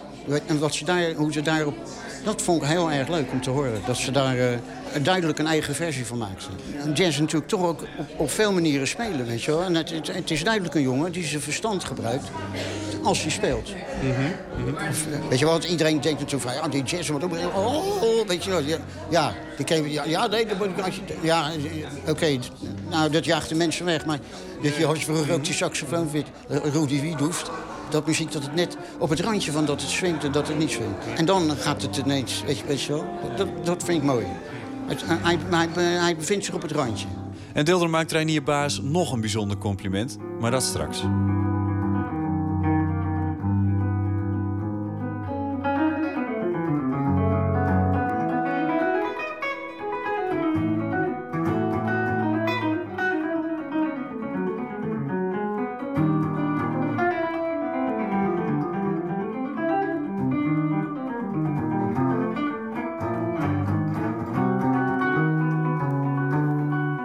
Band heet The More Socially Relevant Jazz Music Ensemble. En vrijdag speelt hij op het Sea Jazz Festival in Rotterdam onder de naam Reinier Baas Smooth Jazz Apocalypse. Zo heet ook zijn laatste album dat hij dit voorjaar presenteerde. Daar staan nummers op met titels als A World Within Number 16 en Gregarious. Op zijn vorige plaat staan nummers als Bobby Fischer's Bucket List en The Second Coming of Homunculus. Een plaat die de titel had Mostly Improvised Instrumental Indie Music. Ja, die naam die heb ik me ook vier jaar geleden op de hals gehaald. En uh, daar kom je dan op een gegeven moment natuurlijk niet meer vanaf. Nee. Uh, maar jullie moeten het ook allemaal uitspreken als, uh, als journalist en radiopresentator zijnde. Ja. Dus daar haal ik wel een soort sardonisch genoegen uit nog steeds. Dat is niet te doen. Bij deze. Maar ik doe het graag, want het is niet voor niets dat Reinier Baas op het Noordse Jazz Festival speelt. Zijn muziek en spel wordt geroemd. Hij behoort tot de top van de nieuwe Europese jazzgeneratie, al dus het festival. Zijn muziek is niet het meest toegankelijke soort jazz, ondanks het smooth jazz in de titel van zijn laatste album. Reinier heeft een goede reden om zijn nummers en albums vage titels mee te geven. Uh, omdat ik zo min mogelijk associaties op wil roepen uh, bij de muziek. Ze moeten allemaal zo vaag mogelijk, daar komt het een beetje op neer. Okay. Ja. Waarom, waarom wil je dat? Uh, ik hou er niet zo van als mensen al een beeld voor zich hebben of een bepaalde voorstelling voordat ze een plaat horen. Um, dat is natuurlijk altijd wel een beetje zo. Je hebt wel foto's en albumhoesen en dat soort dingen, dus daar ontsnap je nooit helemaal aan. Nee. Uh, en ze, ze, ze, zien jou natuurlijk ook op het podium zitten. Maar het liefst wil ik dat zo uh, onbevlekt mogelijk houden. Vandaar die hele vage titels. Maar dat werkt voor geen meter hoor. Want mensen hebben daar hele ideeën bij soms. Ja. Dat je denkt, hoe kom je, kom je daar nou weer bij? Ja. Daar, uh, ja. Maar dat, dat is dus een beetje, dat, dat is je bedoeling. Dat we, dat we zo open mogelijk naar jouw muziek gaan luisteren? Ja, daar komt het op neer, ja.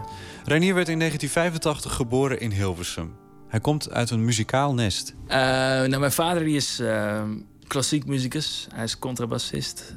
Uh, en hij heeft heel lang in het Radio Philharmonisch Orkest gespeeld. En ook veel geramplaceerd bij het Metropoolorkest en zo. En dan ging ik ook vaak mee naar repetities. Uh, en naar concerten natuurlijk. Dus daar, daar is het uh, absoluut door begonnen. Ja. En ik heb pianoles gezeten. Gewoon een beetje het uh, bekende verhaal. Ik heb geen indrukwekkend cv met kookverslavingen en, en een moeilijke jeugd en zo. Dat, dat valt allemaal heel erg tegen. Ehm, Wanneer kwam de gitaar bijvoorbeeld op je pad? Ik was elf toen ik mijn uh, eerste gitaar kreeg. Ja, um, piano was, was ik niet zo'n wonder. Um, en op die gitaar natuurlijk ook niet. Maar toen ik dat ding in mijn handen kreeg, heb ik hem niet meer, uh, niet meer losgelaten. Het is nooit meer goed gekomen. En, en wat was dat met, met dat instrument? Um, ja, dat is achteraf. Uh, kun je daar hele romantische verhalen van maken natuurlijk. Ja. Maar ik vond het gewoon leuk. Ja. Uh, en het is best wel makkelijk om, om die eerste stapjes te zetten op een gitaar. Mm -hmm. uh, dus je kunt heel snel zeg maar, de, de tien akkoorden leren die nodig zijn om, om popliedjes te spelen.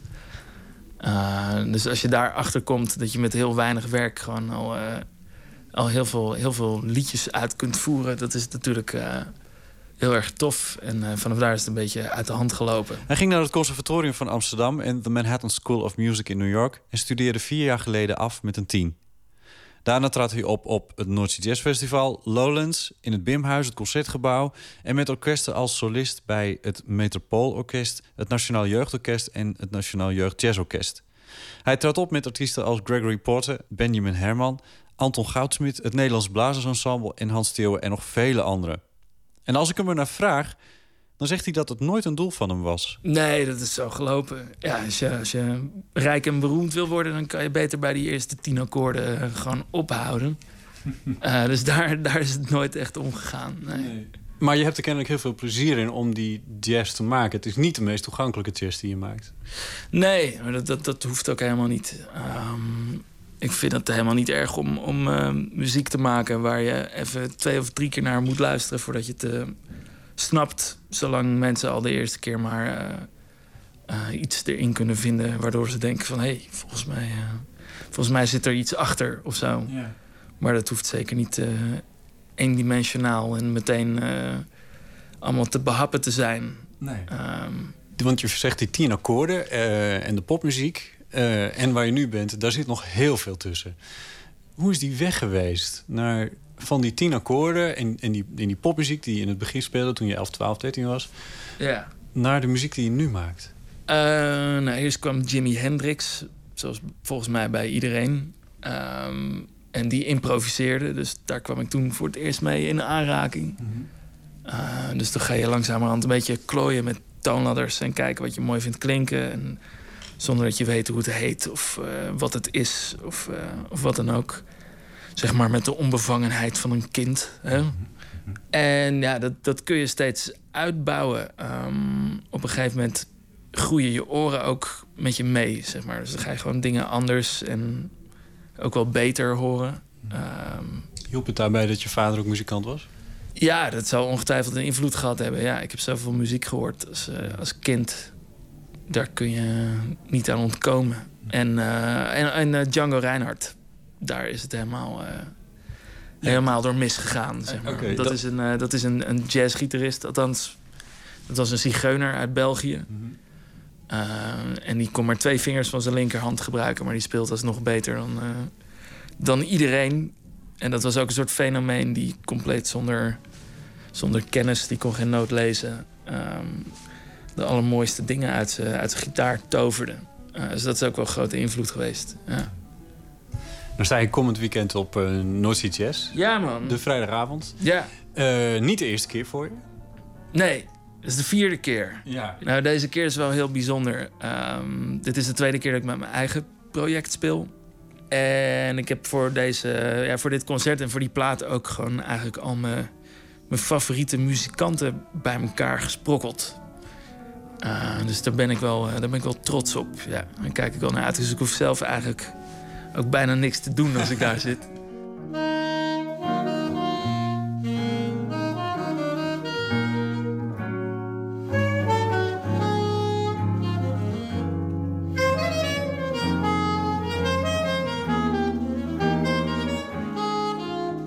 Wat betekent zo'n festival als Sea Jazz voor een Nederlandse jazzmuzikant?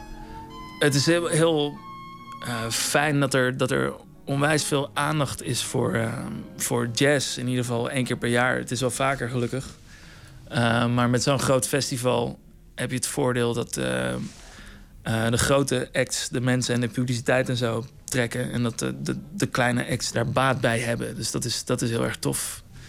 Hij golft een beetje mee op de, op de golven van Pharrell Williams. Juist, ja. ja. Ja, ik hoop dat het een beetje vol zit bij hem. Want eh die komen allemaal naar ons toe natuurlijk. Ja, precies. Ja, Je dat is bijna tegenover lullig. elkaar geprogrammeerd. Ja. ja. Maar goed, dus ben je toch weer bij die tien akkoorden, eh, geloof ik. Nou ja, daar heb ik wel groot respect voor, voor die, eh, voor die gast. Dat is ook niet normaal wat hij doet. Wat merk je er zelf van dat je er nooit ziet staat? Je zegt al, dus die promotionele voordelen heb je. Maar hoe zien die dagen er voor jou bijvoorbeeld uit? Ehm, nou, het is nu ook onwijs druk. Want je hebt ook een festival voorafgaand aan Noordzee. Heet Noordzee Round Town. Eh, dus ik ben nu heel veel in Rotterdam aan het spelen al. Ja, je merkt wel dat er van alles gebeurt. Het is altijd wel een beetje eh, het hoogtepunt van het jaar. Is het voor jou ook drie dagen spelen? Of zijn die beruchte Nee. jam sessies er nog? Hoe werkt dat? Ja, die zijn er nog wel. Ja, maar dan, dan eh, sta ik liever eh, aan de bar. En tenslotte, Jules deelde nog even over Renier Baas. En ik kan me voorstellen dat hij veel gevraagd is. Ook vanwege zijn uiterlijk. eh, wat- ook belangrijk is. verschijning? Ja, Een mooie, frisse jongeman. het is, eh, absoluut. Maar eh, die heeft Star, eh, weet je wel. Dat, ja, dat heb je nou niet meer in de jazz natuurlijk. Maar wat je vroeger... eh, Die heeft, Mooie eh, dat hij- ja, maar die natuurlijk waanzinnig kan spelen. Nou, kijk maar naar eh, die vroege portret van Art Pepper bijvoorbeeld. Was ook een mooi... Tuurlijk. Kijk, eh, als je op een podium staat... Ja, en er zitten mensen in die... Ja, of je het nou wil of niet, dat is die... En dat is een belangrijk aspect. Het ook het theatrale aspect van de muziek. Je kan wel in een tuinbroek... Maar eh, het is... eh, Nee, da- da- daarom. eh, Ja, dat moet. Kijk, alles moet kunnen. En de, bedoel, het is tijdens in die jazz, weet je wel, de mode geweest om... Je, ja, die gasten zagen er niet meer uit, joh. Terwijl dat waren vroeger altijd ook sharp dressers, weet je. Ja. Nou, ik vind dat hij er goed uitziet. En dat is belangrijk voor iemand die optreedt. Ja. Dat, kan niet anders. Música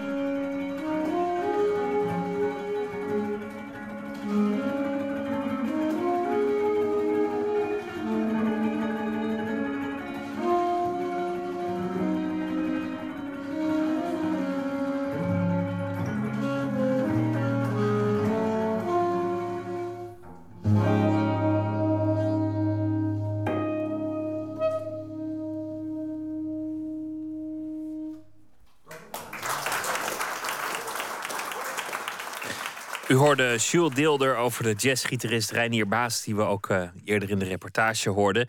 Morgenavond om 11 uur te zien met zijn Smooth Jazz Apocalypse... op het North Sea Jazz Festival in Rotterdam... dat het hele weekend nog plaatsvindt.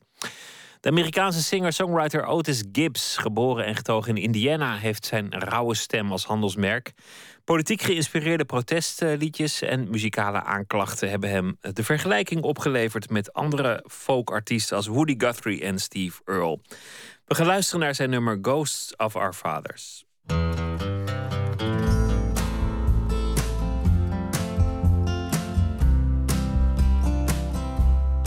He was almost blind.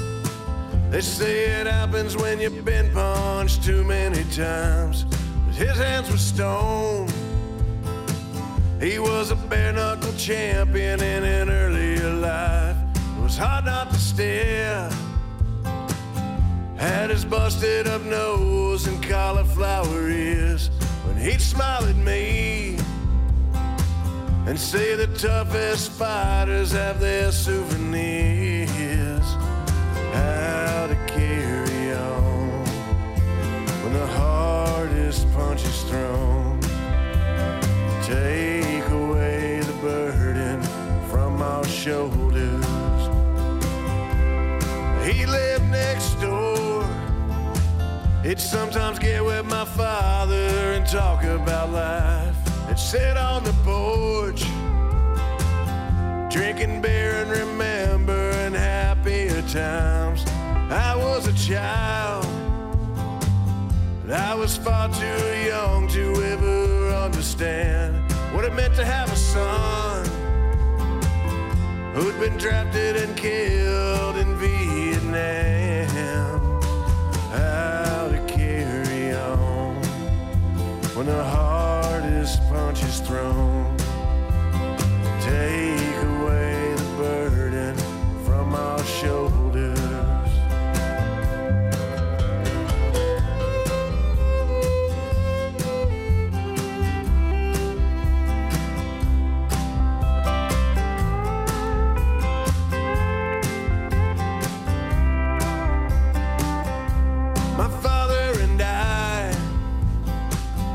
Tried to keep him company so his mind could rest on Saturday nights. Huddled around a black and white TV set, we all stood and cheered when Holly knocked out Foreman that night in Zaire. And later that night, my father held his hand as he broke down and cried. When the hardest punch is thrown. Take away the burden from our shoulders.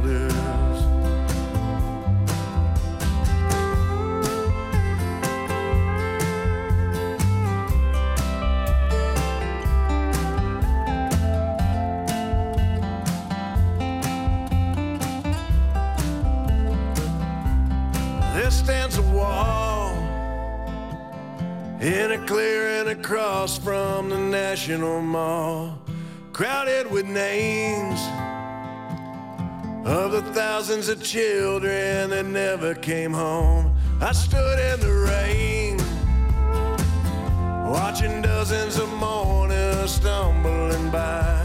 When I saw his name, I felt the ghost of our fathers kneeling at my side.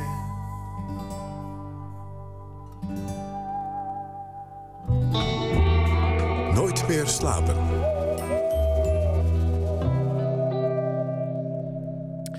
Morgen, vrijdag, opent in het Amsterdamse fotografiemuseum Foam de tentoonstelling Don't Stop Now, Fashion Photography Next. Over de modefotografie. Aan de telefoon Claudia Kussel. Zij is eh, curator bij het Foam. Goeienacht. Goeienacht, hallo. Don't Stop Now, dat, dat klinkt eh, als een aanmoediging, maar ook als een waarschuwing. Wat is het? Nou, het is zeker bedoeld als een eh, positief eh, statement, als een aanmoediging eh, aan een groep jonge modefotografen om ja, vooral door te gaan met het fantastische werk dat ze op dit moment maken.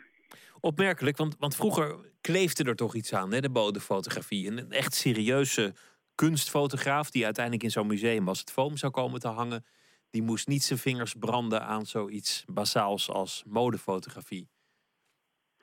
Ja, dat klopt. Vroeger eh, was modefotografie een soort van eh, ondergeschoven kindje binnen het vakgebied.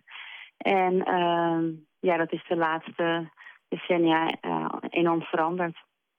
Dus het, we kunnen gerust zeggen dat de fotografen die nu in de mode werken... ja, in eerste plaats fotografen zijn die net zo creatief en uitdagend en origineel werk maken als, als andere collega's. Wanneer is het gaan veranderen? Wie, wie was degene die de verandering inzette? Kun je daar eh, een nominatie voor geven wie het heeft eh, gedaan? Nou, het is niet zozeer ehm, wanneer. Dus, er, waren natuurlijk eh, grote fotografen, zoals iemand als William Klein bijvoorbeeld, die zowel in de mode als ook op het gebied van film als grafische vormgeving heel erg belangrijk was.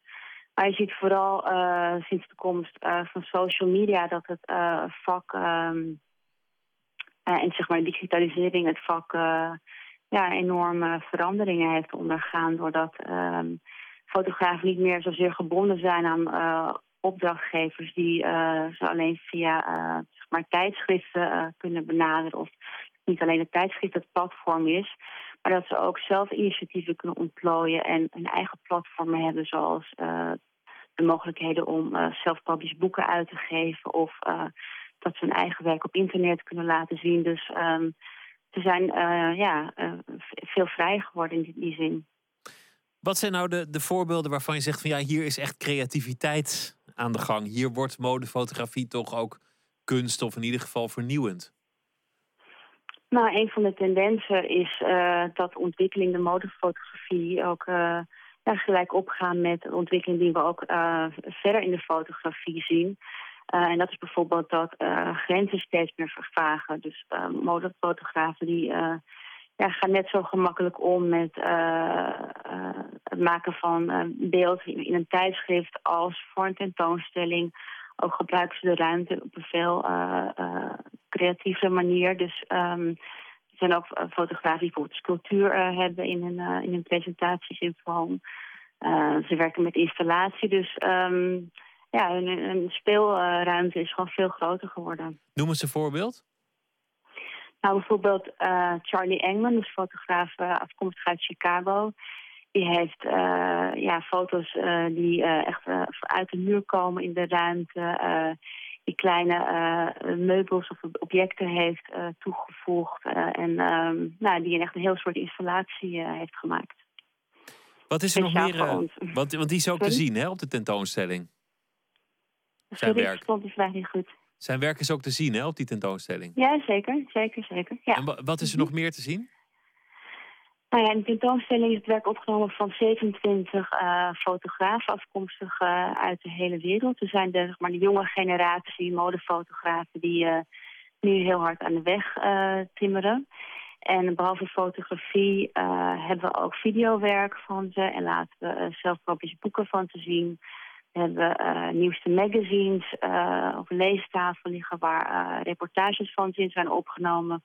Dus eh, we laten echt de rijkdom zien eh, van eh, ja, hoe ze zich op dit moment bewegen in het veldgebied. Ook Nederlandse fotografen? Er is één Nederlandse fotograaf, Philip Vogelzang, die is opgenomen in de tentoonstelling. Met wat voor werk? Met twee prachtige portretten. Dan de, de titel, hè? want jullie zeggen Don't Stop Now. Is, is er een reden om zo'n aanmoediging te geven? Is er, een, is er een grond voor de vrees dat het nu toch weer op zou houden? Uh, nee, het is, het is meer een soort van aanmoediging. En uh, om te laten zien dat we heel erg achter hun werk staan. En, en het is belangrijk dat een instelling als, als ook ja, ruimte geeft aan, aan het werk van dit soort mensen. Om te laten zien dat wij hun, ja, hun werk ondersteunen. Vanaf morgen dus te zien in het Fotografiemuseum Foam in Amsterdam. Don't Stop Now, Fashion Photography Next. Hartelijk dank, Claudia Kussel, curator bij het Foam. En uh, voor nu een hele goede nacht. Dank u wel. Goedenacht. Spencer Wiggins is een Amerikaanse soul- en gospelzanger uit Memphis, Tennessee. Een exponent van wat ze noemen de deep soul. We draaien een eh, hitje van wel eer, Once in a While.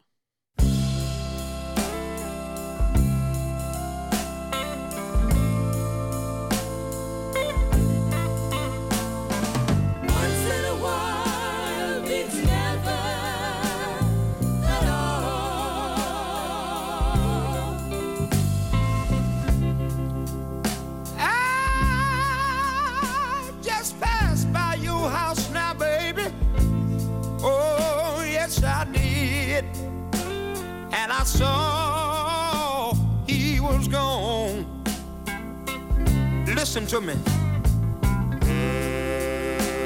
Now I'm just around the corner, baby. And I know you're wondering what I'm doing.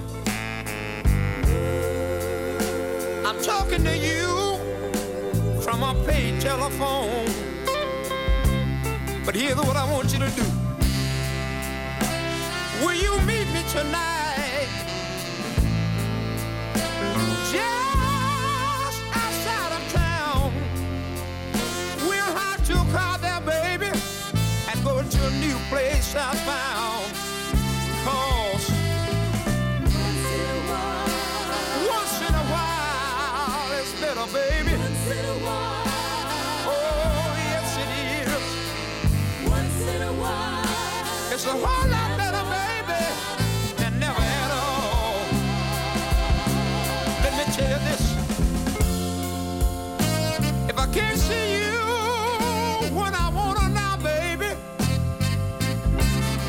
Here's what I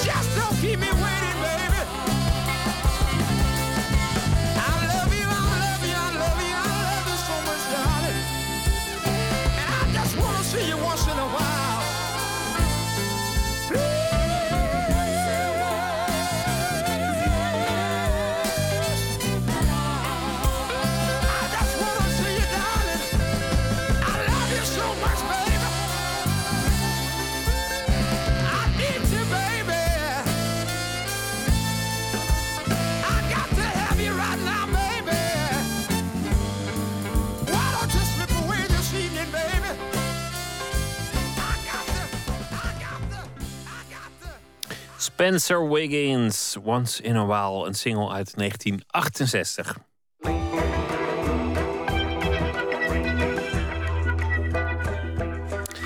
Kunstenares Jantine Wijnja woonde drie maanden lang op het terrein van de psychiatrische instelling de Willem Arnsoeven in Den Dolder. En ze vond het uiteindelijk moeilijk om er weer weg te gaan. Ze had er tientallen patiënten geïnterviewd en steeds weer kwam één vraag terug. Vertellen ze aan de buitenwereld wat voor plek dit is, deze verborgen wereld, die altijd zo zorgvuldig wordt afgeschermd. Het resultaat werd Reisgids Den Dolder, een boekje uitgegeven door de instelling zelf, waarin bewoners de wereld van de psychiatrische instelling van binnenuit voorstellen aan de lezer. Jantine Wijnja nam onze verslaggever Matthijs Deen mee het terrein op, maar wel via de achterdeur. Er voeren meerdere wegen van het dorp Den Dolder naar de Willem Arnshoeve. Eén daarvan loopt door een net woonwijkje via een fietspad over een bruggetje. Bijna ongemerkt van het gewone leven naar het terrein van de psychiatrische instelling. Even is het net alsof die twee werelden naadloos in elkaar overgaan. En misschien is dat wel de reden dat Jantine Wijnja het liefst via die route het terrein opkomt. En ik vind het leuk om werelden die normaal heel erg gescheiden blijven... elkaar een beetje te laten ontmoeten. En een boek kan daar een heel mooi middel in zijn. Omdat je een boek ook... Met een boek kun je zoals hier verhalen uit de ene wereld... eh, ja, losweken eigenlijk. En eh, neerleggen in een hele andere wereld. En je zegt dat taal is daar heel geschikt voor. Hoe bedoel je dat eigenlijk? Als jij mij eh, eh, iets vertelt over wat je gezien hebt... en ik vertel dat door aan iemand anders die, die jou niet kent... krijgt diegene toch direct een beeld in zijn hoofd. En dat is gewoon... Dat is waanzinnig. En dat maakt het dus heel geschikt om mee te werken... als je echt geïnteresseerd bent in... hoe voelt de wereld voor iemand anders aan. Dus taal is een voertuig van de wereld. Ja. Nee, we komen hier op het terrein, is gelijk taal. Een bordje. Mhm. Als je dit dan ziet, wat denk je dan? Of waar kijk je dan naar? Eh, wat, wat heel grappig is, we staan eigenlijk aan het begin van het terrein van eh, de Willem Arnshoeve. Eh, er staat hier een bord met een snelheidslimiet en een camera. Ehm, en wat, wat ik wel interessant vind, is dat eigenlijk nergens wordt benoemd wat voor soort terrein je hier opgaat. Het wordt genoemd als natuurgebied opengesteld, honden aangelijnd verplicht. Maar die camera staat er ook naast. En daar staat bij, dit is een opengesteld terrein. Daarvoor geldt een aantal regels. Dus het, het voelt een beetje enerzijds van, ja, ik kom op een natuurterrein. Maar anderzijds van, hmm, een natuurterrein met een paar specifieke regels. maar, maar er staat niet precies bij waarom. En er komen hier dus ook heel veel mensen wandelen wel in het weekend of zo... die dan eh, over het terrein gaan met hun hond of met hun, met hun mountainbike. Eh, eh, waar ik dan wel eens mee gekletst heb. Die ook zeggen, ja, wa- wat is dit eigenlijk voor plek? Dus die ook geen idee hebben van... het is voor hun alleen maar een doorgang naar het bos. In verband met privacy is het niet toegestaan foto, film, video of geluidsopname te maken. Ja, Dus als we dit bord voorbij gaan en we laten dit lopen... dan is dus de kans groot dat op een gegeven moment de beveiliging komt... en zegt, wat zijn jullie aan het doen? ja en dan zeggen wij, we zijn van het vijfde seizoen. Je komt op dit terrein en er is een toelichtingsbord ja. met veel taal erop. En regels, maar daar staat niet op wat het is. En het, dat lijkt mij dus een symptoom van het feit dat het verborgen wordt gehouden wat het eigenlijk is. Ja, en we moeten volgens mij nog een klein stukje doorlopen, want er staat hier wel achter een plattegrond eh van dit terrein. Ja. En ik ben heel erg benieuwd wat daarop staat en wat niet. Oké, dat gaan we doen. Plattegrond. Nou, wat staat erop? Er staat op de naam van het terrein, Willem Arnshoeve. U bevindt zich hier. Er staan op heel veel namen van eh, gebouwen, maar er staan geen typeringen bij. Er staat Rozenburg, maar er staat niet bij forensisch-psychiatrische afdeling. Er staat Rijnvaan, maar daar staat niet bij eh, langdurige klinische behandeling. Je hebt het over taal als iets wat een boodschap overdraagt, dat een Ja. beeld overdraagt, dat een verhaal Of overdraagt. weglaat. Nee, maar dit, dit, is, dit, dit zegt helemaal niks. Hier Ja. staat, ik, ik ga even wat proza voorlezen. Ja. Deltahuis, distelvlinder. Korenveld, wier, citroenvlinder. Wier plus, dagpauwoog. Wilhelmina, eikenpage.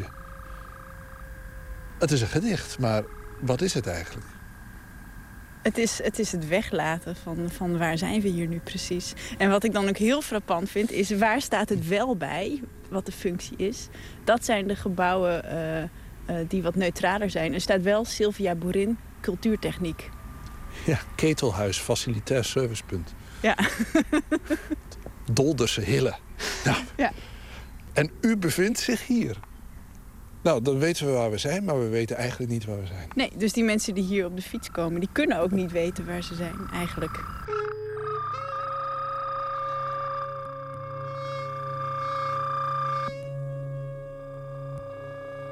Ik kom uit Twente. Mhm. En daar had je het over rekken. Ja. Niet het gekkenhuis, maar het scheelde niet veel.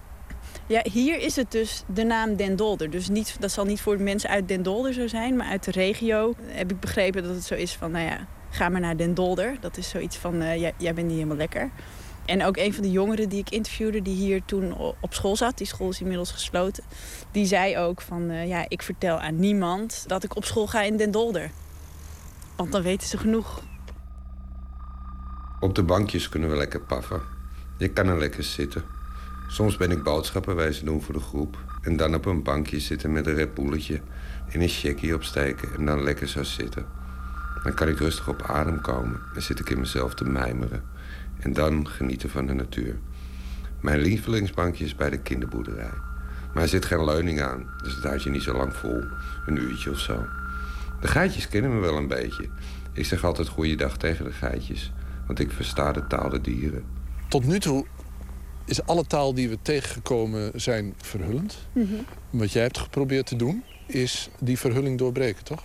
Ja, ik heb 35 eh, mensen die hier verblijven geïnterviewd over hoe het is om hier te zijn. Met als doelstelling een portret maken van de plek. Dus niet een portret van eh, wie die eh, 35 individuen zijn, maar heel erg in kaart brengen hoe is het om hier eh, te leven. Eh, wat, zijn, eh, wat is het belangrijkste moment van de dag? Eh, wat is advies wat zij aan nieuwe groepsgenoten zouden geven? Wat is misschien het belangrijkste ding wat ze hier hebben of de akeligste plek? En het boek wat je gemaakt hebt, dat is helemaal samengesteld uit de antwoorden die je gekregen hebt. En die dan ja, opgestapeld door elkaar gezet. Ja, ik heb de tekst, de tekst bestaat. Er zijn verschillende soorten inhoud. Ik heb een aantal keer heb ik antwoorden met elkaar vervlochten. Ik heb bijvoorbeeld echt iedereen de vraag voorgelegd. eh, eigenlijk wat niet gebeurt op die borden. Omschrijf dit terrein voor iemand die er nog nooit geweest is. Eh, en daar krijg je heel verschillende antwoorden op. Dus de een zegt iets eh, zintuigelijks over de omgeving. De ander zegt iets over hoe het sociaal in elkaar zit. De derde iets over wat voor soort personen hier volgens hem of haar terechtkomt. Dus ik ben heel erg gaan kijken naar nou, hoe vullen die beelden elkaar aan. Wat zijn rode draden en wie zegt wat goed. Dus ik neem jouw zin over het bos. eh, ik neem jouw zin over het wonen met, eh, met negen andere mensen. En ik zet dat achter elkaar tot één lopende tekst. Eén boom is een beetje mijn boom.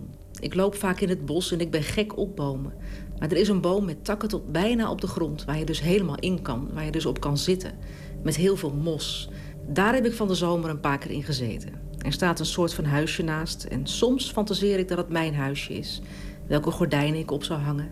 Al naar gelang de seizoenen wordt het te nat. Nu is het te nat. Maar ik heb ook eh, meer quo- op quote-achtige manier dingen eruit gelicht. Dus bijvoorbeeld er zit een hoofdstuk advies in. Dat bestaat uit eh, advies aan nieuwe groepsgenoten, advies aan eh, personeel. Dat kan je ook breder trekken naar GGZ, mensen in het algemeen, denk ik. En eh, levenstips. En die heb ik gewoon per persoon eh, ja, de tips opgesomd, als het ware. Niet steeds op de klok kijken, want dat voel je. Dan ga je toch dingen inslikken die je eigenlijk had willen vertellen. En als ik daar zit en tegenover mij zit de behandelaar... en achter mij hangt de klok... en ik zie dat hij steeds zit te kijken van... hoe laat is het en is de tijd nog niet om. Je probeert je verhaal te doen. Het kost moeite om je verhaal te doen. Op een gegeven moment, dan kan je het op tafel leggen. Dan is het heel vervelend als het dan is van... de tijd is om, parkeer het even... en we komen er over 14 dagen op terug. Vond je het fijn hier? Ik vond het heel fijn hier, ja. Ik vond het eh, echt een rijke tijd. En ook een, eh, een heel levende plek. Het is een afgesloten wereld. Met mensen die het moeilijk hebben. Het is een verzamelplaats van problemen. Dat is iets waar je normaal gesproken eigenlijk weg wil blijven, toch? Ja, ik vind dat niet griezelig. ik kan er niks aan doen. Er is ook een soort vernislaagje wat vaak over dingen heen zit... wat dan even wegvalt. En dat heeft ook iets opluchtends, vind ik. Elke woensdagavond was er in het, eh, is er in het sociaal-cultureel eh, café is er iets. Een karaokeavond of een eh, bingoavond of wat dan ook.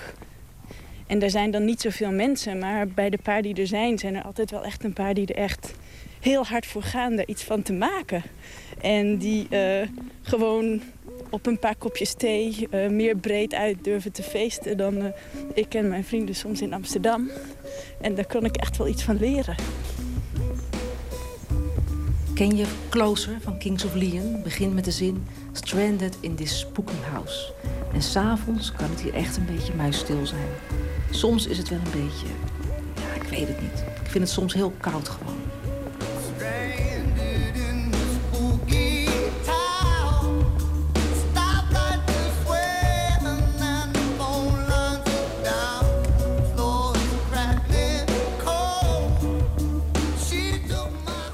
Dit is het vijfde seizoen, of Ja. niet? Daar heb je ook met ze gepraat? Ja, ook vaak, ook vaak elders, ook soms buiten of op mensen hun kamer of eh, waar dan ook, maar ook vaak daar. Ja. Zullen je even gaan zitten? Heel dicht. En je ziet dat het bos ook zo. eh, het bos kruipt echt bijna bij de ramen op. Heb je het gevoel dat je iets belangrijks hebt gedaan? Eh, als het voor een paar mensen echt het beeld verandert, dan ben ik wel tevreden. Want wat voor beeld geeft het? Of is het vooral dat mensen gewoon in normale taal zeggen hoe het is? Ja, ik denk dat. Ik denk dat het wel behoorlijk weggeplamuurd wordt meestal. En dingen worden ook gewoon enger als ze weggeplamuurd worden. Het zou leuk zijn als dat een beetje verandert. Wakker worden, dat vind ik fijn. Vooral als het lekker weer is. Gewoon wakker worden en een beetje naar buiten staren. Kop koffie drinken en een beetje dampen. Smiddags vind ik het vooral fijn. En dan ga ik meestal muziek maken of schilderen. En dan ben ik creatief. En s'avonds ga ik fitnessen. Ja, fitness zelf is lekker, maar vooral na de fitness vind ik lekker. Waarschijnlijk omdat ik dan endorfine aanmaak. En daar word ik vrolijk van. Ik had zelf denk ik ook wel een eh, wat zwarter beeld eh, toen ik hierheen kwam. Terwijl er genoeg erge dingen zijn hoor. Of genoeg vervelende of, eh, of ingewikkelde in elk geval dingen. De rijkdom heeft me wel verrast. Is het mogelijk om daar een voorbeeld van te geven? Nou ja, voor mij was de karaokeavond was dus echt zo'n rijkdom moment. Het was een van de eerste avonden dat ik hier was. Dat er, eh, dat er in de wissel karaokeavond werd. En dat er zo mensen zo eh, ervoor gingen eigenlijk. Iemand zich zo mooi had aangekleed en iemand anders zo ontzettend goed André Hazes aan het doen was. En, dat, dat, Je hebt dat ergens vergeleken met een avond in Beirut. ja. ja, ik, ben, ik was in 2009, denk ik, was ik in Beirut. En een paar avonden uit geweest daar. En dat vond ik toen hele bijzondere avonden uit. Omdat, nou ja, eigenlijk vanwege diezelfde vastberadenheid. Van nou ja, goed, alles kan morgen weg zijn. Maar we gaan ervoor vanavond om er gewoon om iets bijzonders ervan te maken. Dus daar zag je ook dat mensen juist heel erg op chic gingen. Heel erg hun best deden om eh, de dingen mooi te maken. En die eerste avond hier vond ik dat ook. Do or die is een van de levensmotto's die ook werd aangedragen voor in het boek. Vind je dat een goeie? Ik vind hem wel hier heel erg passen. Hier. Ja, Maar hier buiten, buiten het bos niet. buiten het bos is het soms wat lauwer. Hoe heb je afscheid genomen van hier? Want het, als je er zo diep induikt, is het waarschijnlijk niet zo eenvoudig om gewoon maar weer weg te gaan. Nee, ik had de laatste dag wel een flinke knoop in de buik. En toen moest ik terug in een busje. Ik was in een, beetje melancholieke bui. En het was een hele drukke chauffeur. Die de hele tijd dingen wou vertellen. En ik had me eigenlijk voorgenomen van... Ik vind dit geen leuke man. Ik, ik, en ik ga niet met hem praten. maar toen eh, reden we op de snelweg. En toen kwamen we langs Almere. En toen keek je echt vol verlangen keek ik naar Almere. Toen zei hij, ach Almere, is het niet net Venetië? En toen kon ik het niet volhouden. Ze zeggen dat als je naar begeleid wonen gaat, dat je voorbereid wordt om terug te komen in de maatschappij. En ik heb het idee dat je echt niet wordt voorbereid. Alleen al de eerste keer dat ik weer de stad in mocht, zonder begeleiding, was een cultuurschok. Een cultuurschok in mijn hoofd. Daar mogen ze wel wat meer op voorbereiden. Ik zou alleen niet weten hoe.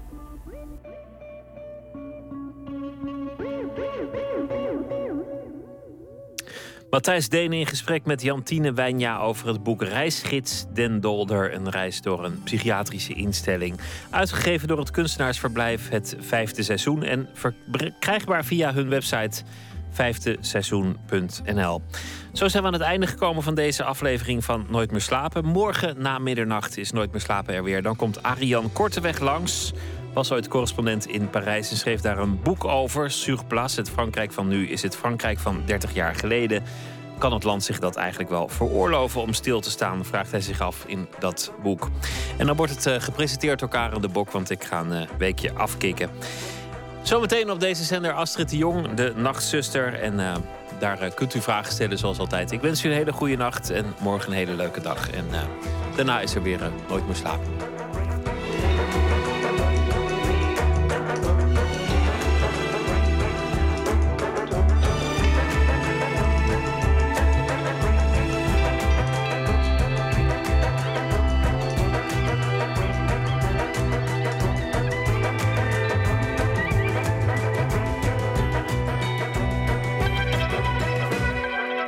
Radio 1. Het nieuws van alle kanten.